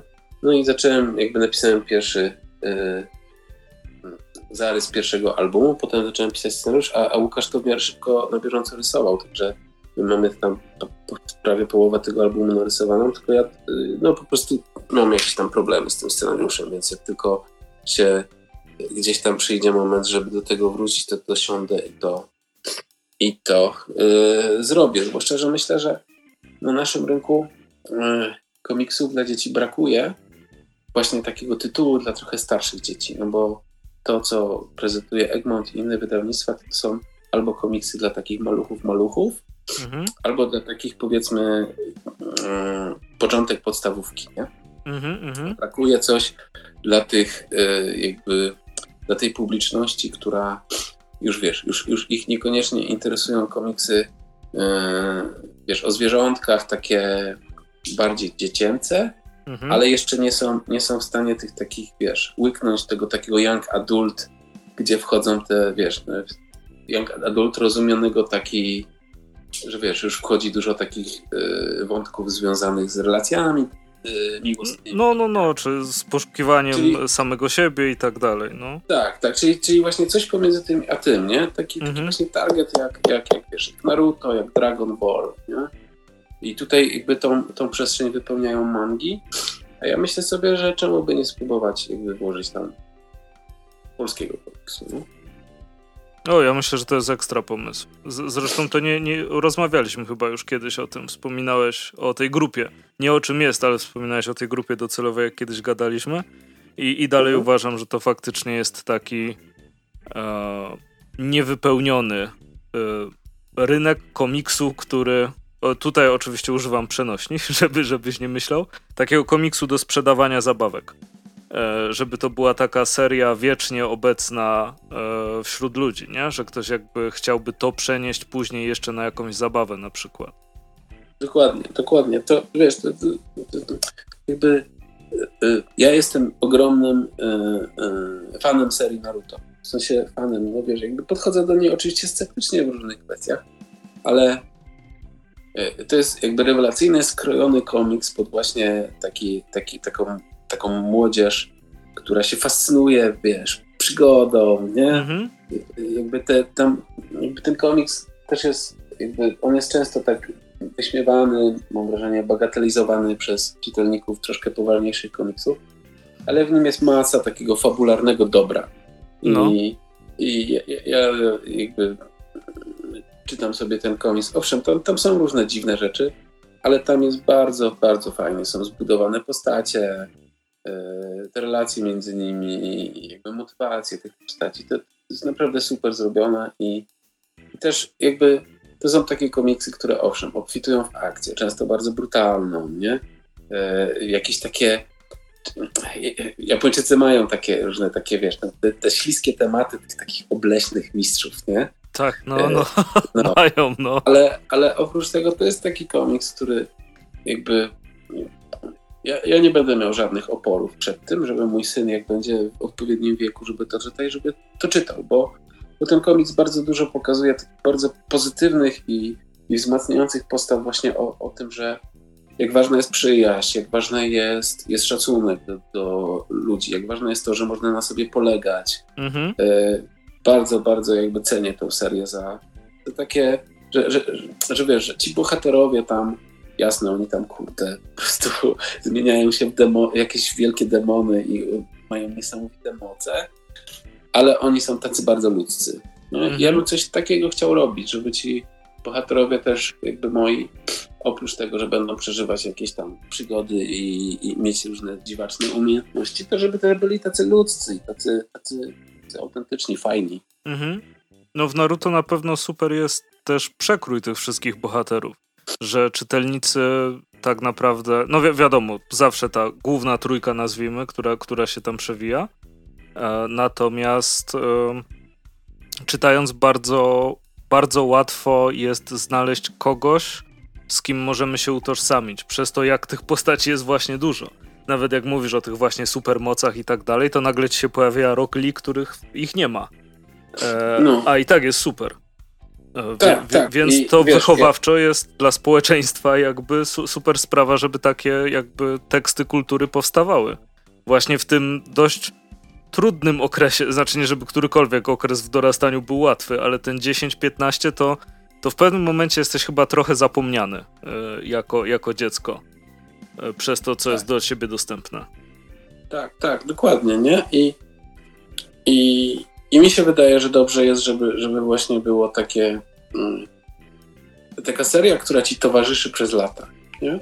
Mhm. E, czy to będzie seria książkowa, czy to będzie, wiesz, mnie jako, jako e, takiemu chłopcu w wieku, wiesz, tego wczesnego nastoletstwa, no, nie wiem, no, tego okresu, no. tego okresu, no to ja, ja nie miałem, wiesz, no mi towarzyszył Torgal, nie? Ale Torgal jakby... Ja teraz bardzo krytycznie patrzę na tę serię, jakie ona przekazuje wartości i, i wiesz, jakie ona przekazuje postawy, bo mimo, że jest reklamowana jako super komiks rodzinny o idealnej rodzinie, to to jest najbardziej... I polski całkowicie? Tak, to jest, ale to jest najbardziej patologiczny model rodziny, jaki ja widziałem. W sensie, w sensie takim, wiesz, oczywiście teraz trochę, trochę kpię, nie? Ale, ale tak naprawdę to, wiesz, ten Torgal to jest słaby ojciec, bo on jest jakby nieobecny wiecznie, on nie ma żadnej relacji z tymi swoimi dziećmi, nie?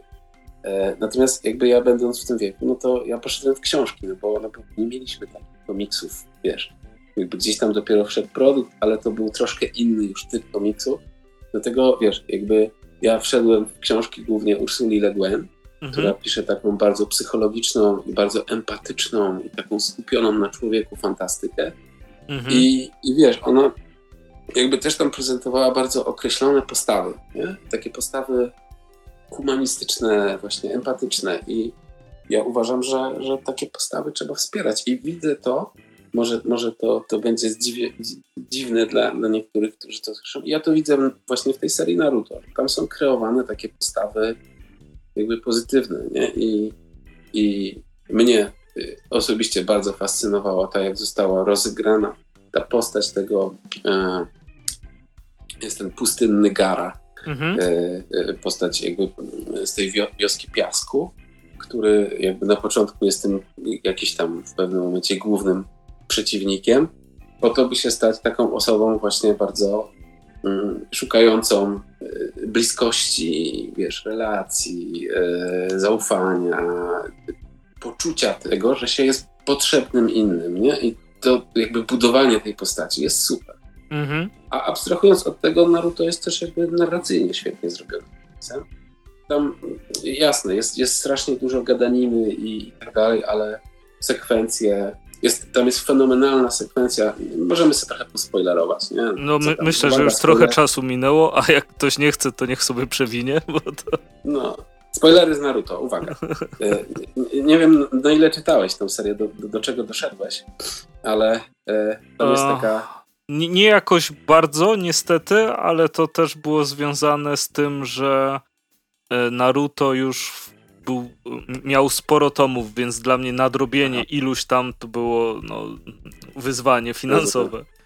Rozumiem, rozumiem. Nie wiem, czy, czy, czy po prostu doszedłeś do akcji e, z tym e, Painem. Tym, e, tak, tak, tak. I, I z tym, jak, jak on atakuje tą wioskę główną no, no, no. No i tam jest fenomenalnie po prostu zrobiona sytuacja, w której jakby ten cały atak na tą wioskę przebiega, kiedy tego głównego naszego bohatera Naruto nie ma mhm. po czym on się pojawia. I to, jak narracyjnie jest zmontowany po prostu ten, cała sekwencja jego pojawienia się i potem pierwszego starcia z tymi przeciwnikami, wiesz, kadr po kadrze, zbliżenia, plany, yy, ułożenie tych postaci, wiesz, jakby dogranie wielkością kadrów, nie? Super, no po prostu mistrzostwo, nie? To jest naprawdę fenomenalnie zrobiony komiks. Ja, a, a mam wrażenie, że przez to, że, że wiesz, jest takim komiksem dla młodzieży, to, to, to gdzieś umyka. Nie? Że, że, że to jest naprawdę kawał, kawał super zrobionego technicznie komiksu. Mhm. No właśnie, zastanawiam się bardzo często, że e, ja osobiście jestem wielkim antyfanem określenia guilty pleasure, bo głupio jest się wstydzić czegoś, co ci sprawia przyjemność. E, ale mam wrażenie, że to jest dalej trochę ta zakorzeniona dziecinność komiksu w cudzysłowie, że, że nie możesz uważać, że jakiś komiks rozrywkowy jest dobry. Że musisz sobie zmyślić nazwę jak powieść graficzna, żeby się nie wstydzić, że komiksy czytasz. I że przy Naruto właśnie część osób może odrzucać e, to, że, że target, który powstał, jakby sprawia, że w umysłach części osób to automatycznie nie może mieć większych wartości. No wiesz, no to, to, to, jest, to już są tematy, nad którym wiele mądrzejszych głów niż ja się głowi od lat. I, i jakby no, nie wiem, co mogę odpowiedzieć. No, jakby nie chcę wchodzić w temat, yy, wiesz, komiks, a powieść graficzna, bo to też, wiesz, jakby wiele już, już yy, dyskusji na ten temat wytoczono. No, ja, ja jakby stosuję jakby otwartość, nie? Aha. Jakby generalnie jestem otwarty na różne, różnego typu yy, komiksy. wiadomo, że, że bardzo wybieram, co, co, co, co no bo dużo teraz się u nas tego ukazuje i a poza tym ja mam, wiesz, ja mam duży etos też e, twórcy niezależnego i u mnie zawsze pierwszeństwo, jeśli chodzi o moje wybory zakupowe, to są komiksy polskich twórców, zwłaszcza tych z sektora niezależnego. Mhm. Więc, e, więc to, to jakby u mnie ma, ma priorytet. Natomiast ja jakby nie mam problemu z tym, żeby sobie, wiesz, e, przeczytać e, komiks jakby z teoretycznie sfery, która mnie mniej interesuje, nie? No wiadomo. No, e, więc, więc wiadomo, mam swoje jakieś tam, mam ograniczony czas, więc raczej się staram wybierać to, co mi podpasuje, czy, czy mnie interesuje, mhm. ale jakby, wiesz, no, byłem otwarty na, wiesz, jakby nie miałem pojęcia w ogóle o mandze y, do pewnego momentu za bardzo. No, jedyny manga, jaką przeczytałem, to, był, to była Akira, która mhm. E, jakby jest też takim specyficznym rodzajem mangi, nie? No. E, no ale lata temu pracowałem w takiej księgarni komiksowej w Katowicach, która się nazywa Mago, jako student. No i tam sobie siedziałem, wiesz, w tym sklepie, sprzedawałem komiksy. No i były takie chwile e, jakiegoś, wiesz, luzu, mhm. no to gdzieś tam sobie coś czytałem. No i tak z głupia frant po prostu, nie wiedziałem o co chodzi z tym Naruto, nie? Stwierdziłem, a to sobie przeczytam, nie? No i tak wiesz, po prostu złapało mnie od pierwszego rozdziału, nie? Także, także ja uważam, że warto dawać szansę różnym rzeczom. Naprawdę e, komiksy są super, generalnie jako, jako gatunek e, i jest w nich masa, masa, masa wspaniałości. To prawda. A to powiedz mi jeszcze w takim razie na, na zakończenie. Um, no. Czy co, co, ostatnio ci tak siadło z niezalu polskiego? Nie, nie musi być oczywiście nowe, ale takie ostatnie, co pamiętasz, że wielkie wrażenie na tobie wywarło. Kurczę, yy, bardzo mi się podobał Black Hound mhm. yy, Kamila Dukiewicza. Strasznie, strasznie fajna rzecz. Yy, co ja jeszcze, kurczę, teraz tak mnie tu trochę wziąłeś z zaskoczenia. jakby nie przeczytałem jeszcze Malarza, jakby mam go na, na swojej kupce wstydu, ale bardzo sobie dużo obiecuję po tym tytule. E, przeczytałem ostatnio, nie, nie wiem czy, czy, czy można mówić, no Brom e, od Unki, czy jest takim komiksem niezależnym. Ja to postrzegam jako komiks niezależny. I to jest bardzo taki solidnie, sprawnie zrobiony komiks środka, który, który jest, jest spoko. Ale tak wiesz, ja, ja jestem na przykład wielkim miłośnikiem twórczości Ksuch, mhm. e, bo to są takie komiksy, ja, ja, wiesz, jakby od momentu jak się ukazał ten pierwszy taki malutki albumik Witch, mhm, mhm, e, który mnie absolutnie kupił od razu. E, no i e, ostatnio był, był, ten najnowsza rzecz, ten Cold, tak? I, I on jakby robi, robi bardzo fajnie mi, e, w sensie bardzo mi się podobał.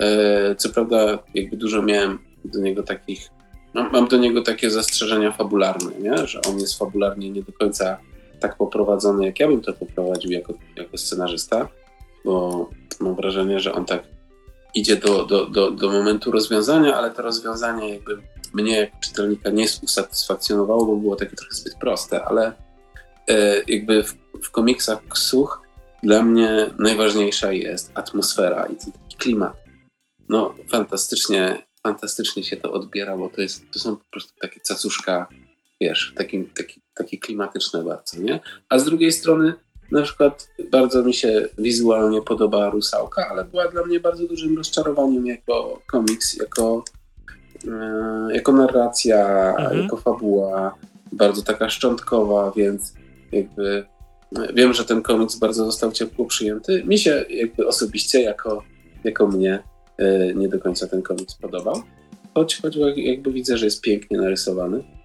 E, natomiast brakowało mi w nim takiego wiesz, takiego, takiego scenariusza po prostu, nie? No, no takiej narracji. Ro, ro, rozumiem, rozumiem też, jak najbardziej. No, mam wrażenie, że to też jest taki komiks oparty na takim też klimacie jakby takiej mgławicowości tej narracji, e, ale to jakby to mnie akurat nie, nie kupiło, nie? Mhm. Ale jakby bardzo chętnie zapoznam się z kolejnymi z kolejnymi e, mm, dziełami tej, e, tej rysowniczki i, i też nie mogę się doczekać, bo ja kibicuję wszystkim twórcom niezależnym, staram się ich, ich zawsze wspierać i może tego czasem nie widać, ale, ale dużo walczę w ich sprawach mhm. w różnych miejscach. No to dzięki serdecznie za e, Dziękuję pojawienie również. się głosowo. E, trzymam kciuki ale, za... Ale czekaj, Andrzej, ty mnie nie powiedziałeś, jak ci się podobało to nowe A, to przesłuchasz. A, dobra, to ci... Nie, nie, bo bardzo, bo bardzo mi się podobało. E, po, początek jest taki, e, e rozumiem szok, ale to jest jakby dla mnie taki, bardzo nie lubię tematyki gwałtu, w sensie jest dla mnie bardzo niekomfortowa, co jest normalną reakcją oczywiście na, na, na takie rzeczy. Rozumiem jej zabieg. Na początku mi to tak trochę mm, e, e, mogłoby mnie odrzucić, wydaje mi się. E, no ale później wszystko, wszystko fajnie wychodziło, te właśnie nawiązanie do tytułu, jakby faktycznie w tych, w tych wyborach trochę też o, e, o takim przebaczeniu, które było przez, e, prze, przez cały komiks i daniu tej kolejnej szansy, to bardzo no, czy teraz na czasie, chyba zawsze na czasie. E, te, te, temat i jakby wątek taki e, filozoficzny do, do rozmyślania nad tym.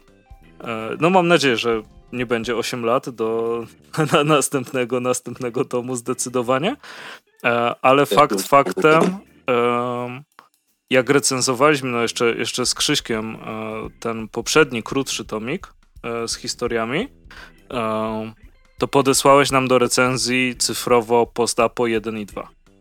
Mhm. E, I jakbym się teraz, wiesz, napalił, że o, postapo, lubię ten klimat i sobie kupię trójkę, to bym dużo stracił pomimo czytania zakładek. E, mhm. no bo no, no nie, nie, da, nie po to robiłeś komiksy dwa, żeby, żeby je zastąpić dwoma zakładkami. E, tak naprawdę. E, więc mam na, bardzo się cieszę, że ten, że ten dodruk będzie i że w Łodzi ktoś będzie mógł sobie kupić obecną całość. Ale komiks mi się podobał. Rysunkowo też wiadomo. Bardzo, bardzo spoko. No i to, mm, to, to postapo w Polsce bardzo fajnie się sprawdza. W sensie ogólnie się strasznie sprawdza, wiesz o co chodzi. To nie, nie, nie jest temat, że tak. spoko, wojna i cierpienie, nie?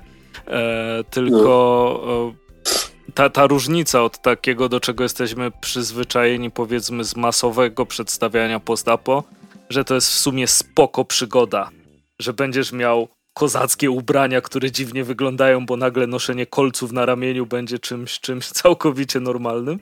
E, tylko jest tak e, bardziej ludzko i bardziej niefajnie e, w tym, co może, możecie spotkać. Więc to te, też fajnie siada na umysł i daje bardzo fajne oderwanie się właśnie od takiego mm, idealizowania e, post-apokalipsy.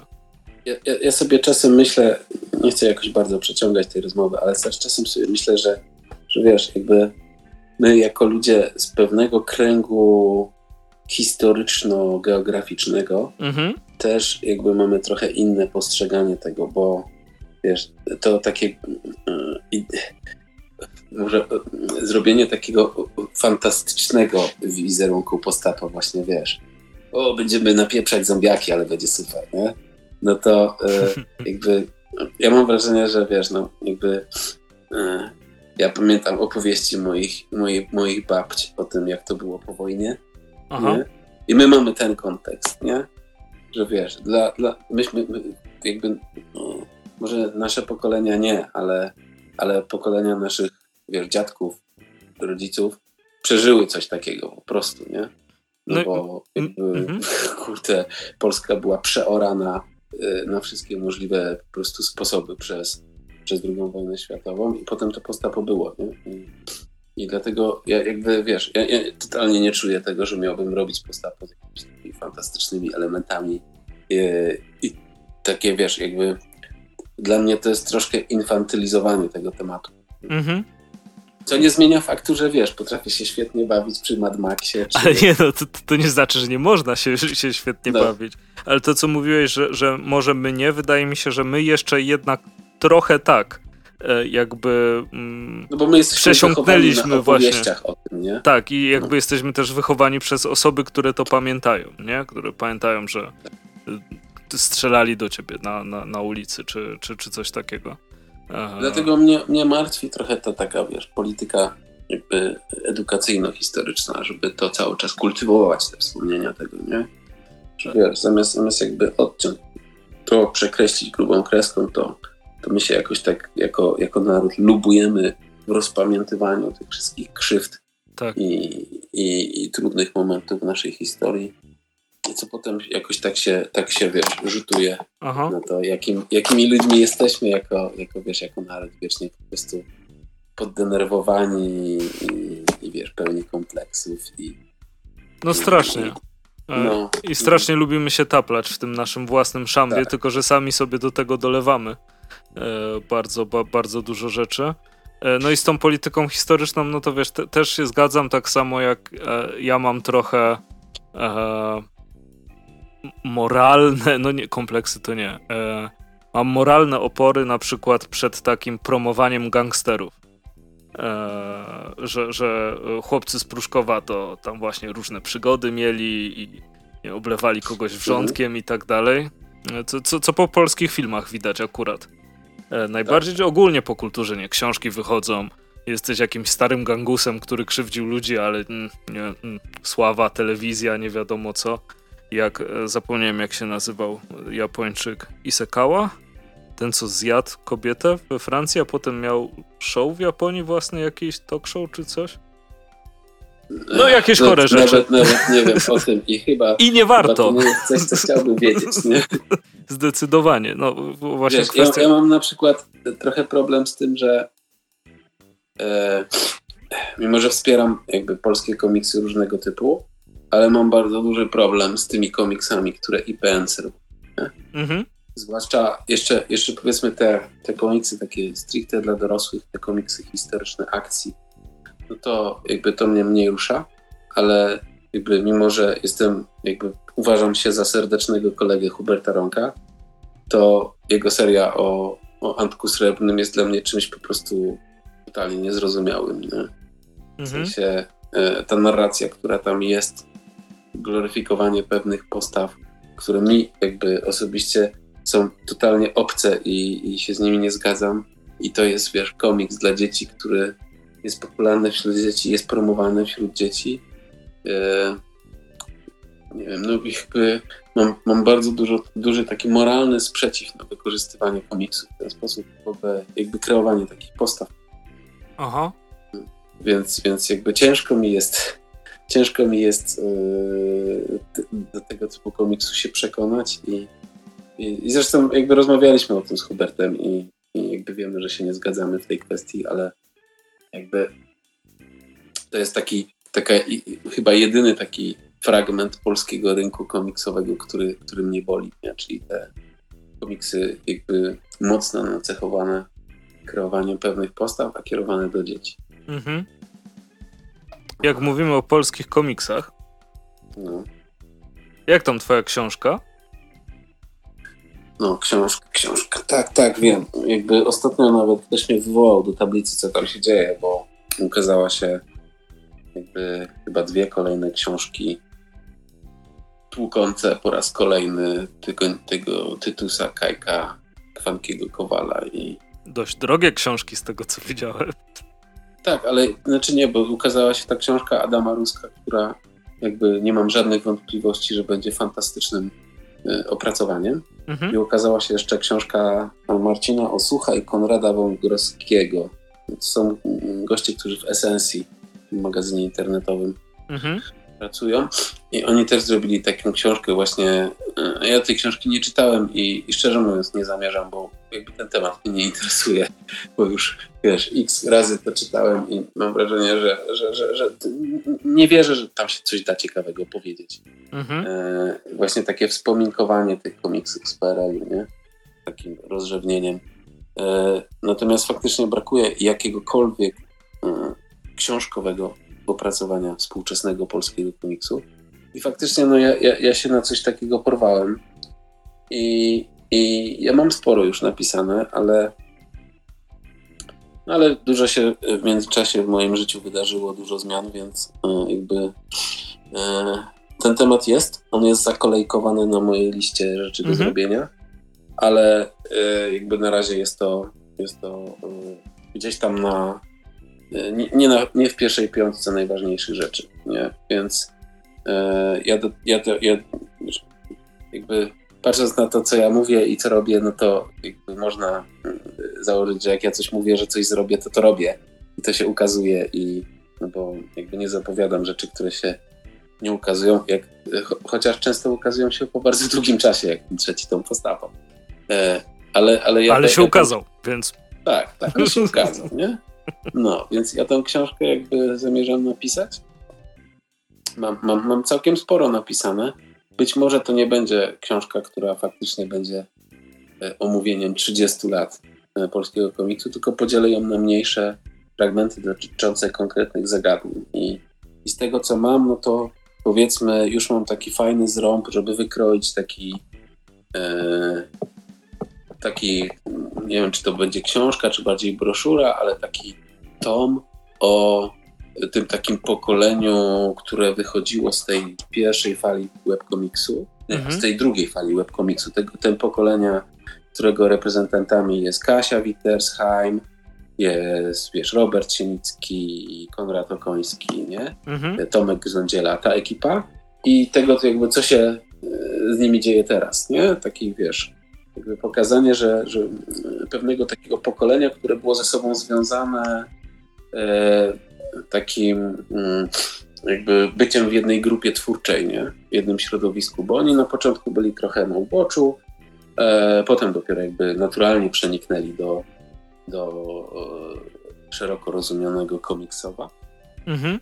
Ale to jest, to jest fajnie pokazane, że to była, wiesz, grupa twórcza, która była bardzo aktywna i, i jak bardzo w różnych kierunkach oni poszli. Nie? To jest w ogóle fantastyczne, e, jak się obserwuje, e, wiesz, twórców, w których kierunkach oni, oni idą. Nie? Mhm. Także tak, tak, jakby książka e, to jest temat, który ja jakby cały czas podtrzymuję, że ona powstanie. Super. Tylko, tylko jak to w moim przypadku, jak mówię, to będzie, tylko nie wiadomo kiedy. Nie? Ale będzie. I, i będzie. Z, tego, z tego się bardzo cieszę, bo to projekt, któremu bardzo e, kibicowałem, odkąd ją zapowiedziałeś. Natomiast, natomiast jakby jeszcze, jeszcze dopowiadając mhm. do tego, do tego tematu publikacji około komiksowych, to faktycznie dobrze by było, żeby żeby, żeby to nie było tak, że, że wiesz, to, to moje jakieś tam pisanina, która nie będzie ani książką naukową, ani jakąś nie wiadomo jak, jak, jak dokładną monografią, tylko bardziej takimi luźnymi przemyśleniami i obserwacjami e, jakby ze środka środowiska, mhm. żeby fajnie by było, gdyby też jakby tych książek o współczesnym komiksie, czy choćby pojawiało się więcej, nie? Mhm. I, I, jakby patrzę wymownym wzrokiem tutaj choćby w stronę w stronę, e, wiesz, e, ludzi, którzy się naukowo komiksem zajmują. I tak patrzę głównie na Matyldę i Sęki Wanek, może, mm -hmm. może ona się jakby zajęła bardziej troszkę napisaniem jakiejś, jakiejś pozycji większej o, o współczesnym polskim komiksie, bo, bo tego faktycznie brakuje i ja się wcale nie dziwię temu, że bo sam jakby je, jestem czym często poirytowany, że my jako twórcy współczesnego komiksu jesteśmy wiecznie w poczuciu y, trochę takiego, wiesz, y, niesprawiedliwego traktowania, nie? bo wieczne hołubienie tych kilku mistrzów e, jakby i, i tworzenie kolejnych książek, które jakby są tylko e, opisem sentymentów z dzieciństwa, e, a jednocześnie ten współczesny polski komiks jest tak wiesz, traktowany zawsze a te, a tam ci młodzi se robią te komiksy takie, nie? Brzydkie. To nie jest to samo, to Kajko. Kajko to był komiks, a tamten ten to brzydko rysuje, a tamta to, to w ogóle jakieś za duże oczy. Tak, trochę jest taka ta narracja dziaderska. No. Niektórych części czytelników, nie? Niestety jest. Takie bagatelizowanie i marginalizowanie współczesnych twórców, co mnie bardzo e, jakby niepokoi, bardzo mi się nie podoba jako twórcę, jako, jako wiesz, obserwatora środowiska i, i osobę, której dobro polskich, polskich twórców przede wszystkim e, leży wiecznie na sercu. Mhm. No, jest faktycznie taka właśnie e, infantalizacja, infantalizacja twórcy komiksowego niezależnego, że to taki twórca, a nie do końca e, artysta, czy, czy, czy coś takiego. To strasznie to wiesz, smutne to jest. To, to, jest. To jest problem, który ma bardzo szerokie, szerokie pole, nie? Bo wiesz, bo to się nie przekłada, jakby postrzeganie polskiego twórcy komiksu, zwłaszcza tych twórców takich bardziej niezależnych, którzy nie mają za plecami wydawnictw. Mhm. To się też, też jakby w samym środowisku jest, jest, jest. Ja na to zacząłem zwracać uwagę od pewnego czasu, bo wiesz, nie wiem, może już mam kryzys wieku średniego i mnie więcej rzeczy irytuje. No. Ale, ale też wiesz, jakby ja też uważam, że wiesz, nasze środowisko ma trochę coś takiego, taki e, specyficzny e, vibe, e, takiego wiesz, załatwiania wszystkiego pod stołem, nie? Dużo rzeczy jest gdzieś ukryte zakulisowo e, i ja jakby mm, wiem, że sobie często robię trochę wrogów i dużo ludzi mnie postrzega jako oszołoma, ale ja stwierdziłem, że koniec z tym, że trzeba mu zacząć mówić głośno o pewnych sprawach. To jest mnie fajne. Dlatego jakby wyciągnąłem sprawę złotych kurczaków te tam półtora roku temu i zrobiłem z tego aferę. I będę robił kolejne afery, jak coś będzie bardzo niefajne. I i wiesz, no i, i wiesz, mnie, mnie, fascynuje to, że jakby duże festiwale trochę olewają polskich niezależnych twórców. Mhm. Nie? E, wiadomo, że, że, że jakby e, jasne, że twórcy, którzy są powiedzmy bardziej wiesz, w większych wydawnictwach, no to są, są bardziej medialni, ale e, jakby dla mnie jest nie, niezrozumiałe to, że można olewać cały tętniący życiem i wiesz, najciekawszy fragment naszego komiksowa to są twórcy niezależni, bo tam się najwięcej dzieje ciekawych rzeczy, nie? Mhm. No bo wiesz, jakby owszem, kultura gniewu czerpie z tego niezalu, czy Timow z tego czerpie, bierze tych twórców i oni jakby potem, wiesz, ale to są twórcy tacy, wiesz, którzy przeszli do tych wyższych, wiesz, na ten troszkę wyższy poziom, mhm. czy na, aktualnie na tym wyższym poziomie są, ale, ale też jakby prezentują takie, takie niezależne podejście do twórczości, nie? Natomiast wiesz, ten taki mainstream, który nie wiem, prezentują komiksy wydawane przez Egmont na przykład, to to wiesz, jakby dla mnie na przykład z perspektywy czytelnika i z perspektywy twórcy, to, to w większości tych komiksów nie ma absolutnie nic ciekawego, nie? Aha. To są, wiesz, poprawnie skrojone fabuły, dobrze narysowane, ale wiesz, ja naprawdę wolę się, wiesz, powkurzać na rusałkę, która mi się nie podoba, bo to jest jakiś, wiesz, eksperyment, tam się coś dzieje ciekawego, tam są jakieś zmagania z formą, nie? Mhm. No, y, no i, i, i wiesz, mnie trochę martwi cały czas, cały czas to, że, że, że jakby gdzieś ci twórcy niezależni, zamiast być w jakiś sposób hołubieni i, i wiesz, promowani i, i, i żeby byli, wiesz, na świeczniku, tutaj się dzieją ciekawe rzeczy, no to mhm. nawet, wiesz, na tych mniejszych festiwalach to się jeszcze dzieje, a na tych większych to po prostu, wiesz, zróbmy 40 spotkanie o Kajku i Kokoszu i zróbmy 50 spotkanie wiesz, z twórcą, który co, co, co roku przyjeżdża i mówi dokładnie to samo, ale wiesz, jakby ci, ci fantastycznie młodzi twórcy są olewani, nie? Wiesz, jak to jest możliwe, że Dukiewicz zrobił tego Black Hounda, nie? Który dostał jakieś tam nagrody za najlepszy debiut. To się super sprzedawało. I zaraz Świetnie. zrobił jeszcze drugi zeszyt, nie? Co to jest za Zaraz zrobił drugi zeszyt. Wiesz, młody debiutant po prostu z takim powerem w łapie, nie? Z no. takim drygiem do, do narracji komiksowej i wiesz, i on nie był po prostu yy, noszony na rękach na MFK, nie? Mhm. To, wiesz, nie mówię, że to jest, wiesz, gwiazda porównywalna, gwiazda. że to jest, wiesz, ten, ten, sam, ten sam format jakby rozpoznawalności jak, jak twórcy, którzy publikują, wiesz, w Egmoncie czy w Kulturze Gniewu, ale gdybym ja organizował taki festiwal jak MFK, to bym tego gościa po prostu, wiesz, za uszy przyciągnął, żeby go promować, pokazywać, że patrzcie, mamy nowy wielki talent, nie? Mhm. Wiesz, i... Zwłaszcza, i przykład... że może być osobą, która tam publikuje, nie? Tak, tak. Nie? A, a poza tym, a wiesz, mam nadzieję, nadzieję, że teraz tak się będzie działo wokół Herzyk, nie? Mhm. Ona ma jakby łatwiejszy start, bo jest w kulturze gniewu, ale to wiesz, to jest osoba, dookoła której powinno się krzyczeć. To jest nowy wielki talent, nie? Mhm. Promujmy mhm. ją gdzie się da, nie?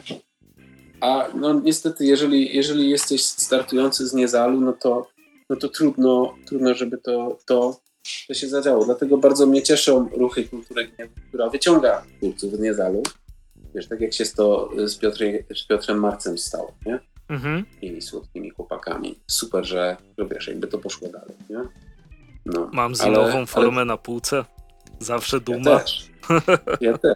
Ale, ale, ale wiesz, co nie zmienia faktu, że, że wiesz, nawet jeżeli tam nie ma obecności tych e, wydawnictw, które są jakby wiesz, większym i poważniejszym partnerem dla takiego festiwalu do rozmowy, to still e, jakby festiwal buduje program i sam powinien ten program budować.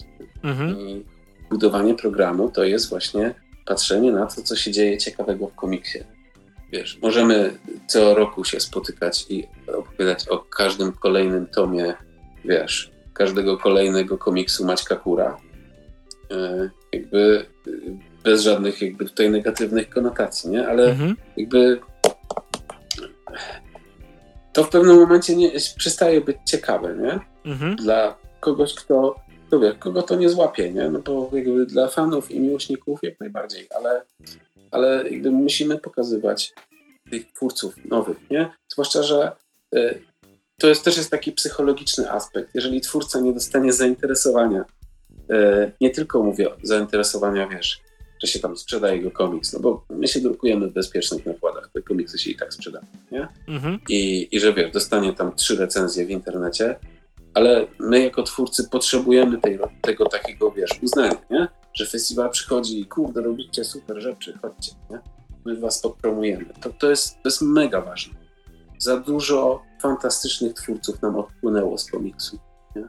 Przestało robić komiksy, no bo wiesz, jakby zabrakło tego momentu, w którym powinni dostać takiego mega boosta, nie? Mhm. Taki, wiesz, takiego, takie wsparcie po prostu właśnie na większą skalę. Nie? No, że, że, że jest po co to kontynuować, nie?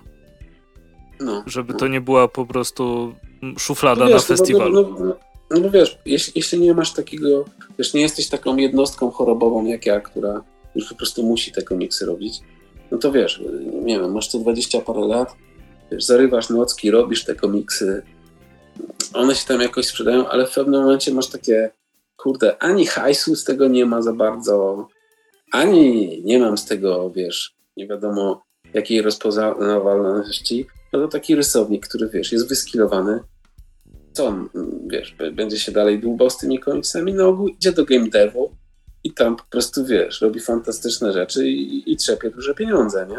Mhm. A wiesz, żeby ich zatrzymać w komiksie, jeśli nie, nie, nie, nie, nie mamy tej możliwości, że ci, ci twórcy będą po prostu zarabiać na tyle, żeby, żeby to była ich praca, no to, no to wiesz, no, trzeba ich, ich wspierać inaczej, nie? Mhm. Może to nie do końca ma sens, co ja mówię, ale. Nie, no ale, ma, oczywiście, bo to. I, i, i, ja, jestem, ja jestem po prostu, wiesz, jakby przerażony tym, jak bardzo to, co jest korem, korem naszego środowiska, jest nieważne dla tych ludzi, dla których powinno być najważniejsze. No, ale to cie, ciekawe, czy to się na bierze... Na polskich twórcach się wszystko powinno opierać. Tak. Innych niż rosyjski. Tak, może wiesz, nawet, nawet nie, już Może wiesz, oprócz. Nie, nie, to, to, nie ma co szarpać bohaterów i mistrzów, nie? Ale, ale wiesz, jakby.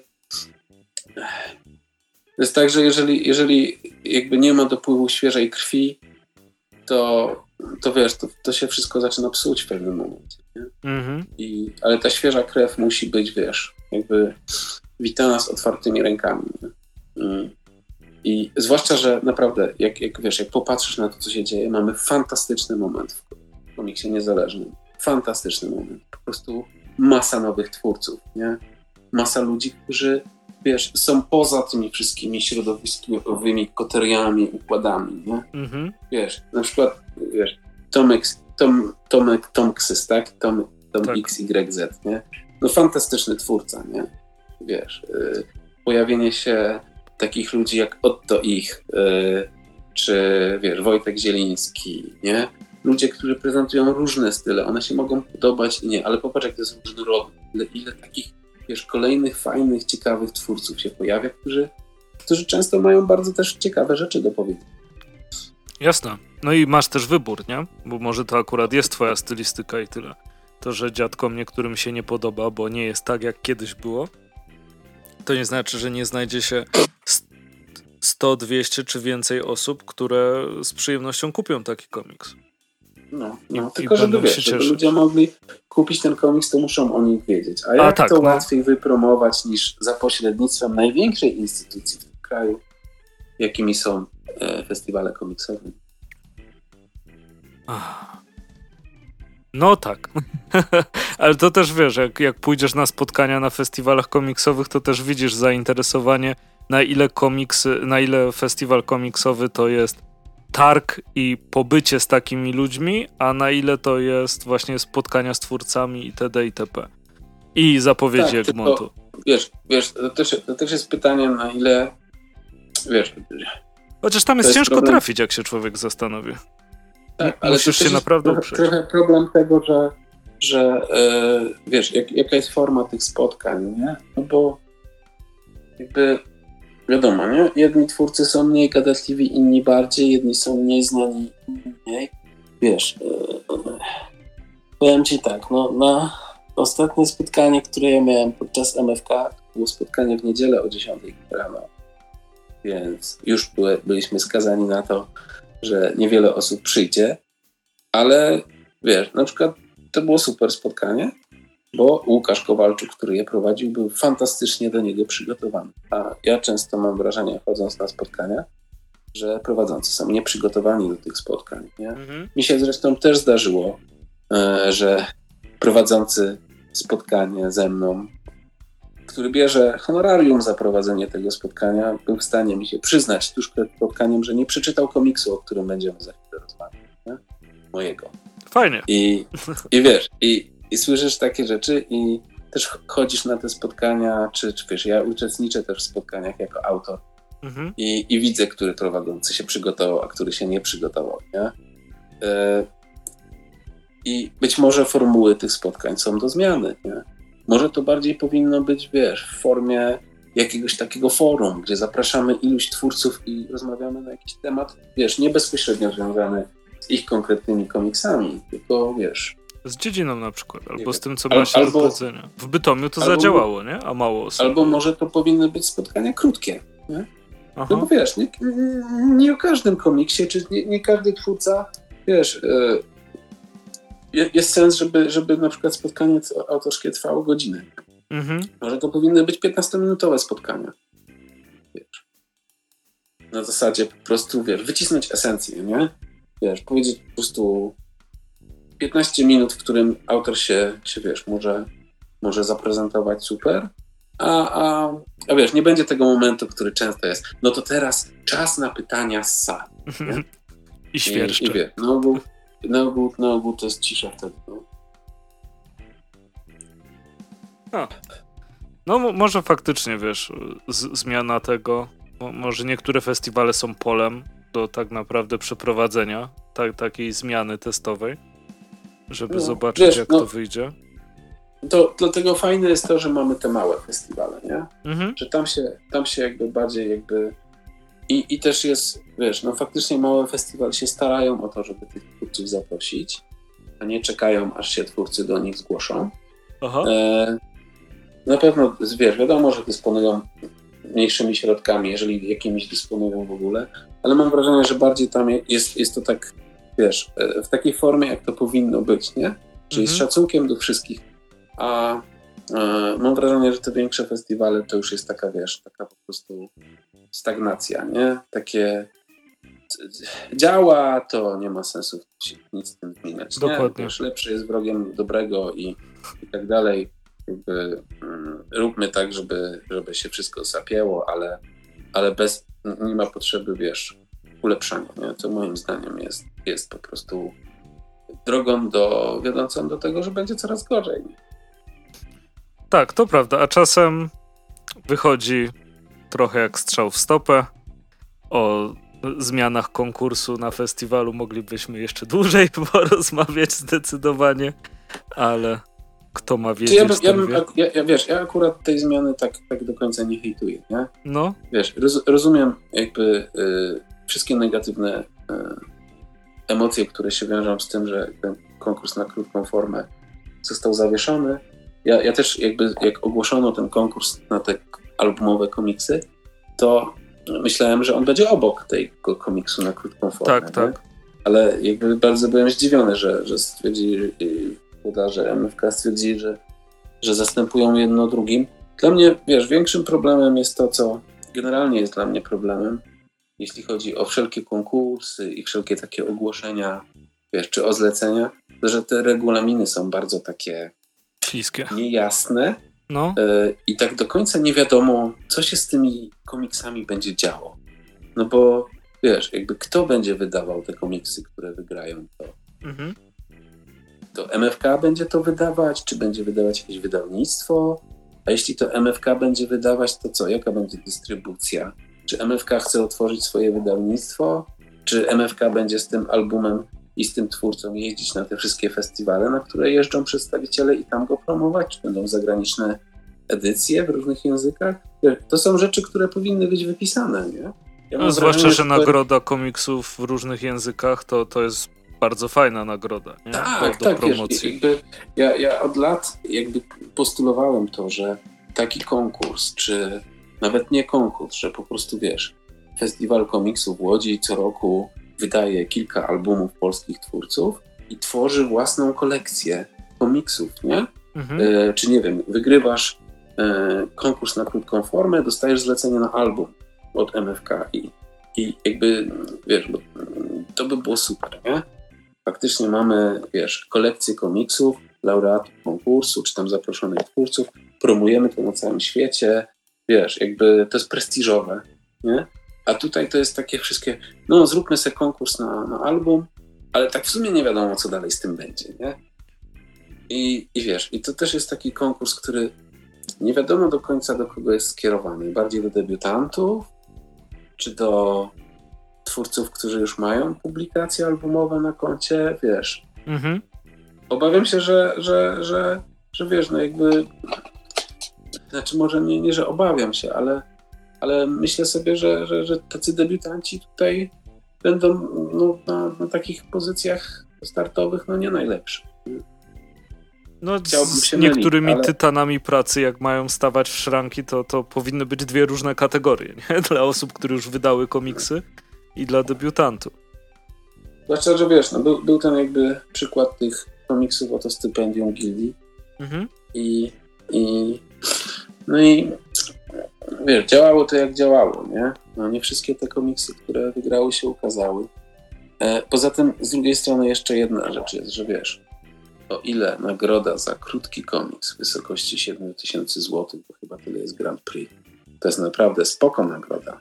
Mhm. O tyle w momencie, w którym, wiesz, tak ogromna instytucja jak MFK ogłasza konkurs na album komiksowy i nie, chcę, chcę się mylić, że to nie będzie jedyna jakby forma gratyfikacji, bo jeśli z wygraniem konkursu wiąże się podpisanie umowy, która jest dodatkowo opłacana, mhm. y, ale jeśli nie, to ta nagroda tych 7 tysięcy złotych za zrobienie albumu, który wygrał konkurs, no to też nie są jakieś wielkie pieniądze.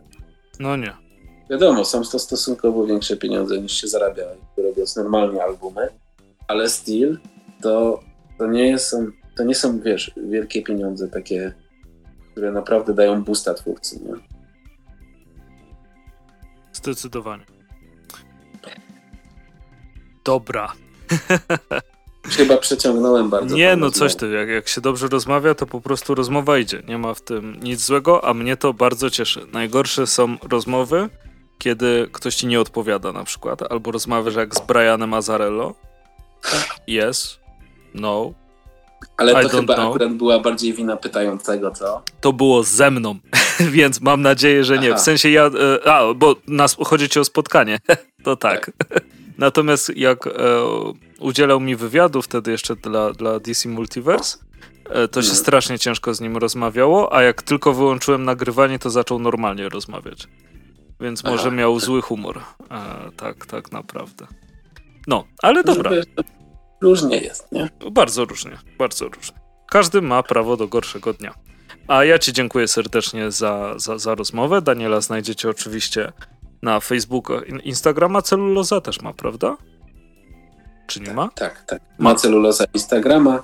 I ty masz jeszcze własny, prawda? Profil. Tak, ja mam też własny profil na, na Facebooku, który się nazywa Daniel Gizicki, scenarzysta komiksowy więc tam nas można znaleźć. Też swój profil ma seria Postapo na Facebooku. Pięknie. I wszystkie linki umieszczę w opisie. Więc y, będziecie mogli wszystko znaleźć. Dzięki serdecznie jeszcze raz za pojawienie się. Dzięki również. Było mi ogromnie przy, przyjemnie gościć na, na, na antenie y, tego zacnego podcastu. Dobra. No i to co? Chyba wszystko na ten specyficzny, poskładany odcinek w tym tygodniu. E, za dwa tygodnie pewnie skupimy się na samych komiksach, chyba że jakieś ważne informacje wpadną newsowe, bo trochę się tego nam nazbierało, prawda? No, szczególnie jak jest dwa dni przed nagraniem i a, nie ma żadnych newsów, nie ma tego dużo, a później przez dwa dni dzieje się tyle, że omawiamy pół odcinka. Tak, tak, dokładnie. W ogóle bardzo mm, dziękujemy osobom, które nas słuchały od chyba ostatniego odcinka ponieważ nasze statystyki wzrosły dwukrotnie e, w ostatnim odcinku, to bardzo ciekawe. Ktoś musiał gdzieś udostępnić albo coś, nie wiem, jakaś tajna grupa. Tak, ale to udostępniacie śmiało. tak, to, to, jak tak. nie, nie mamy się. Dokładnie. E, dzięki, że jesteście, że, że nas cały czas słuchacie po tych sześciu latach. E, zawsze czytamy komentarze, odpowiadamy na nie. Dawajcie nam znać i słyszymy się za dwa tygodnie. Tak.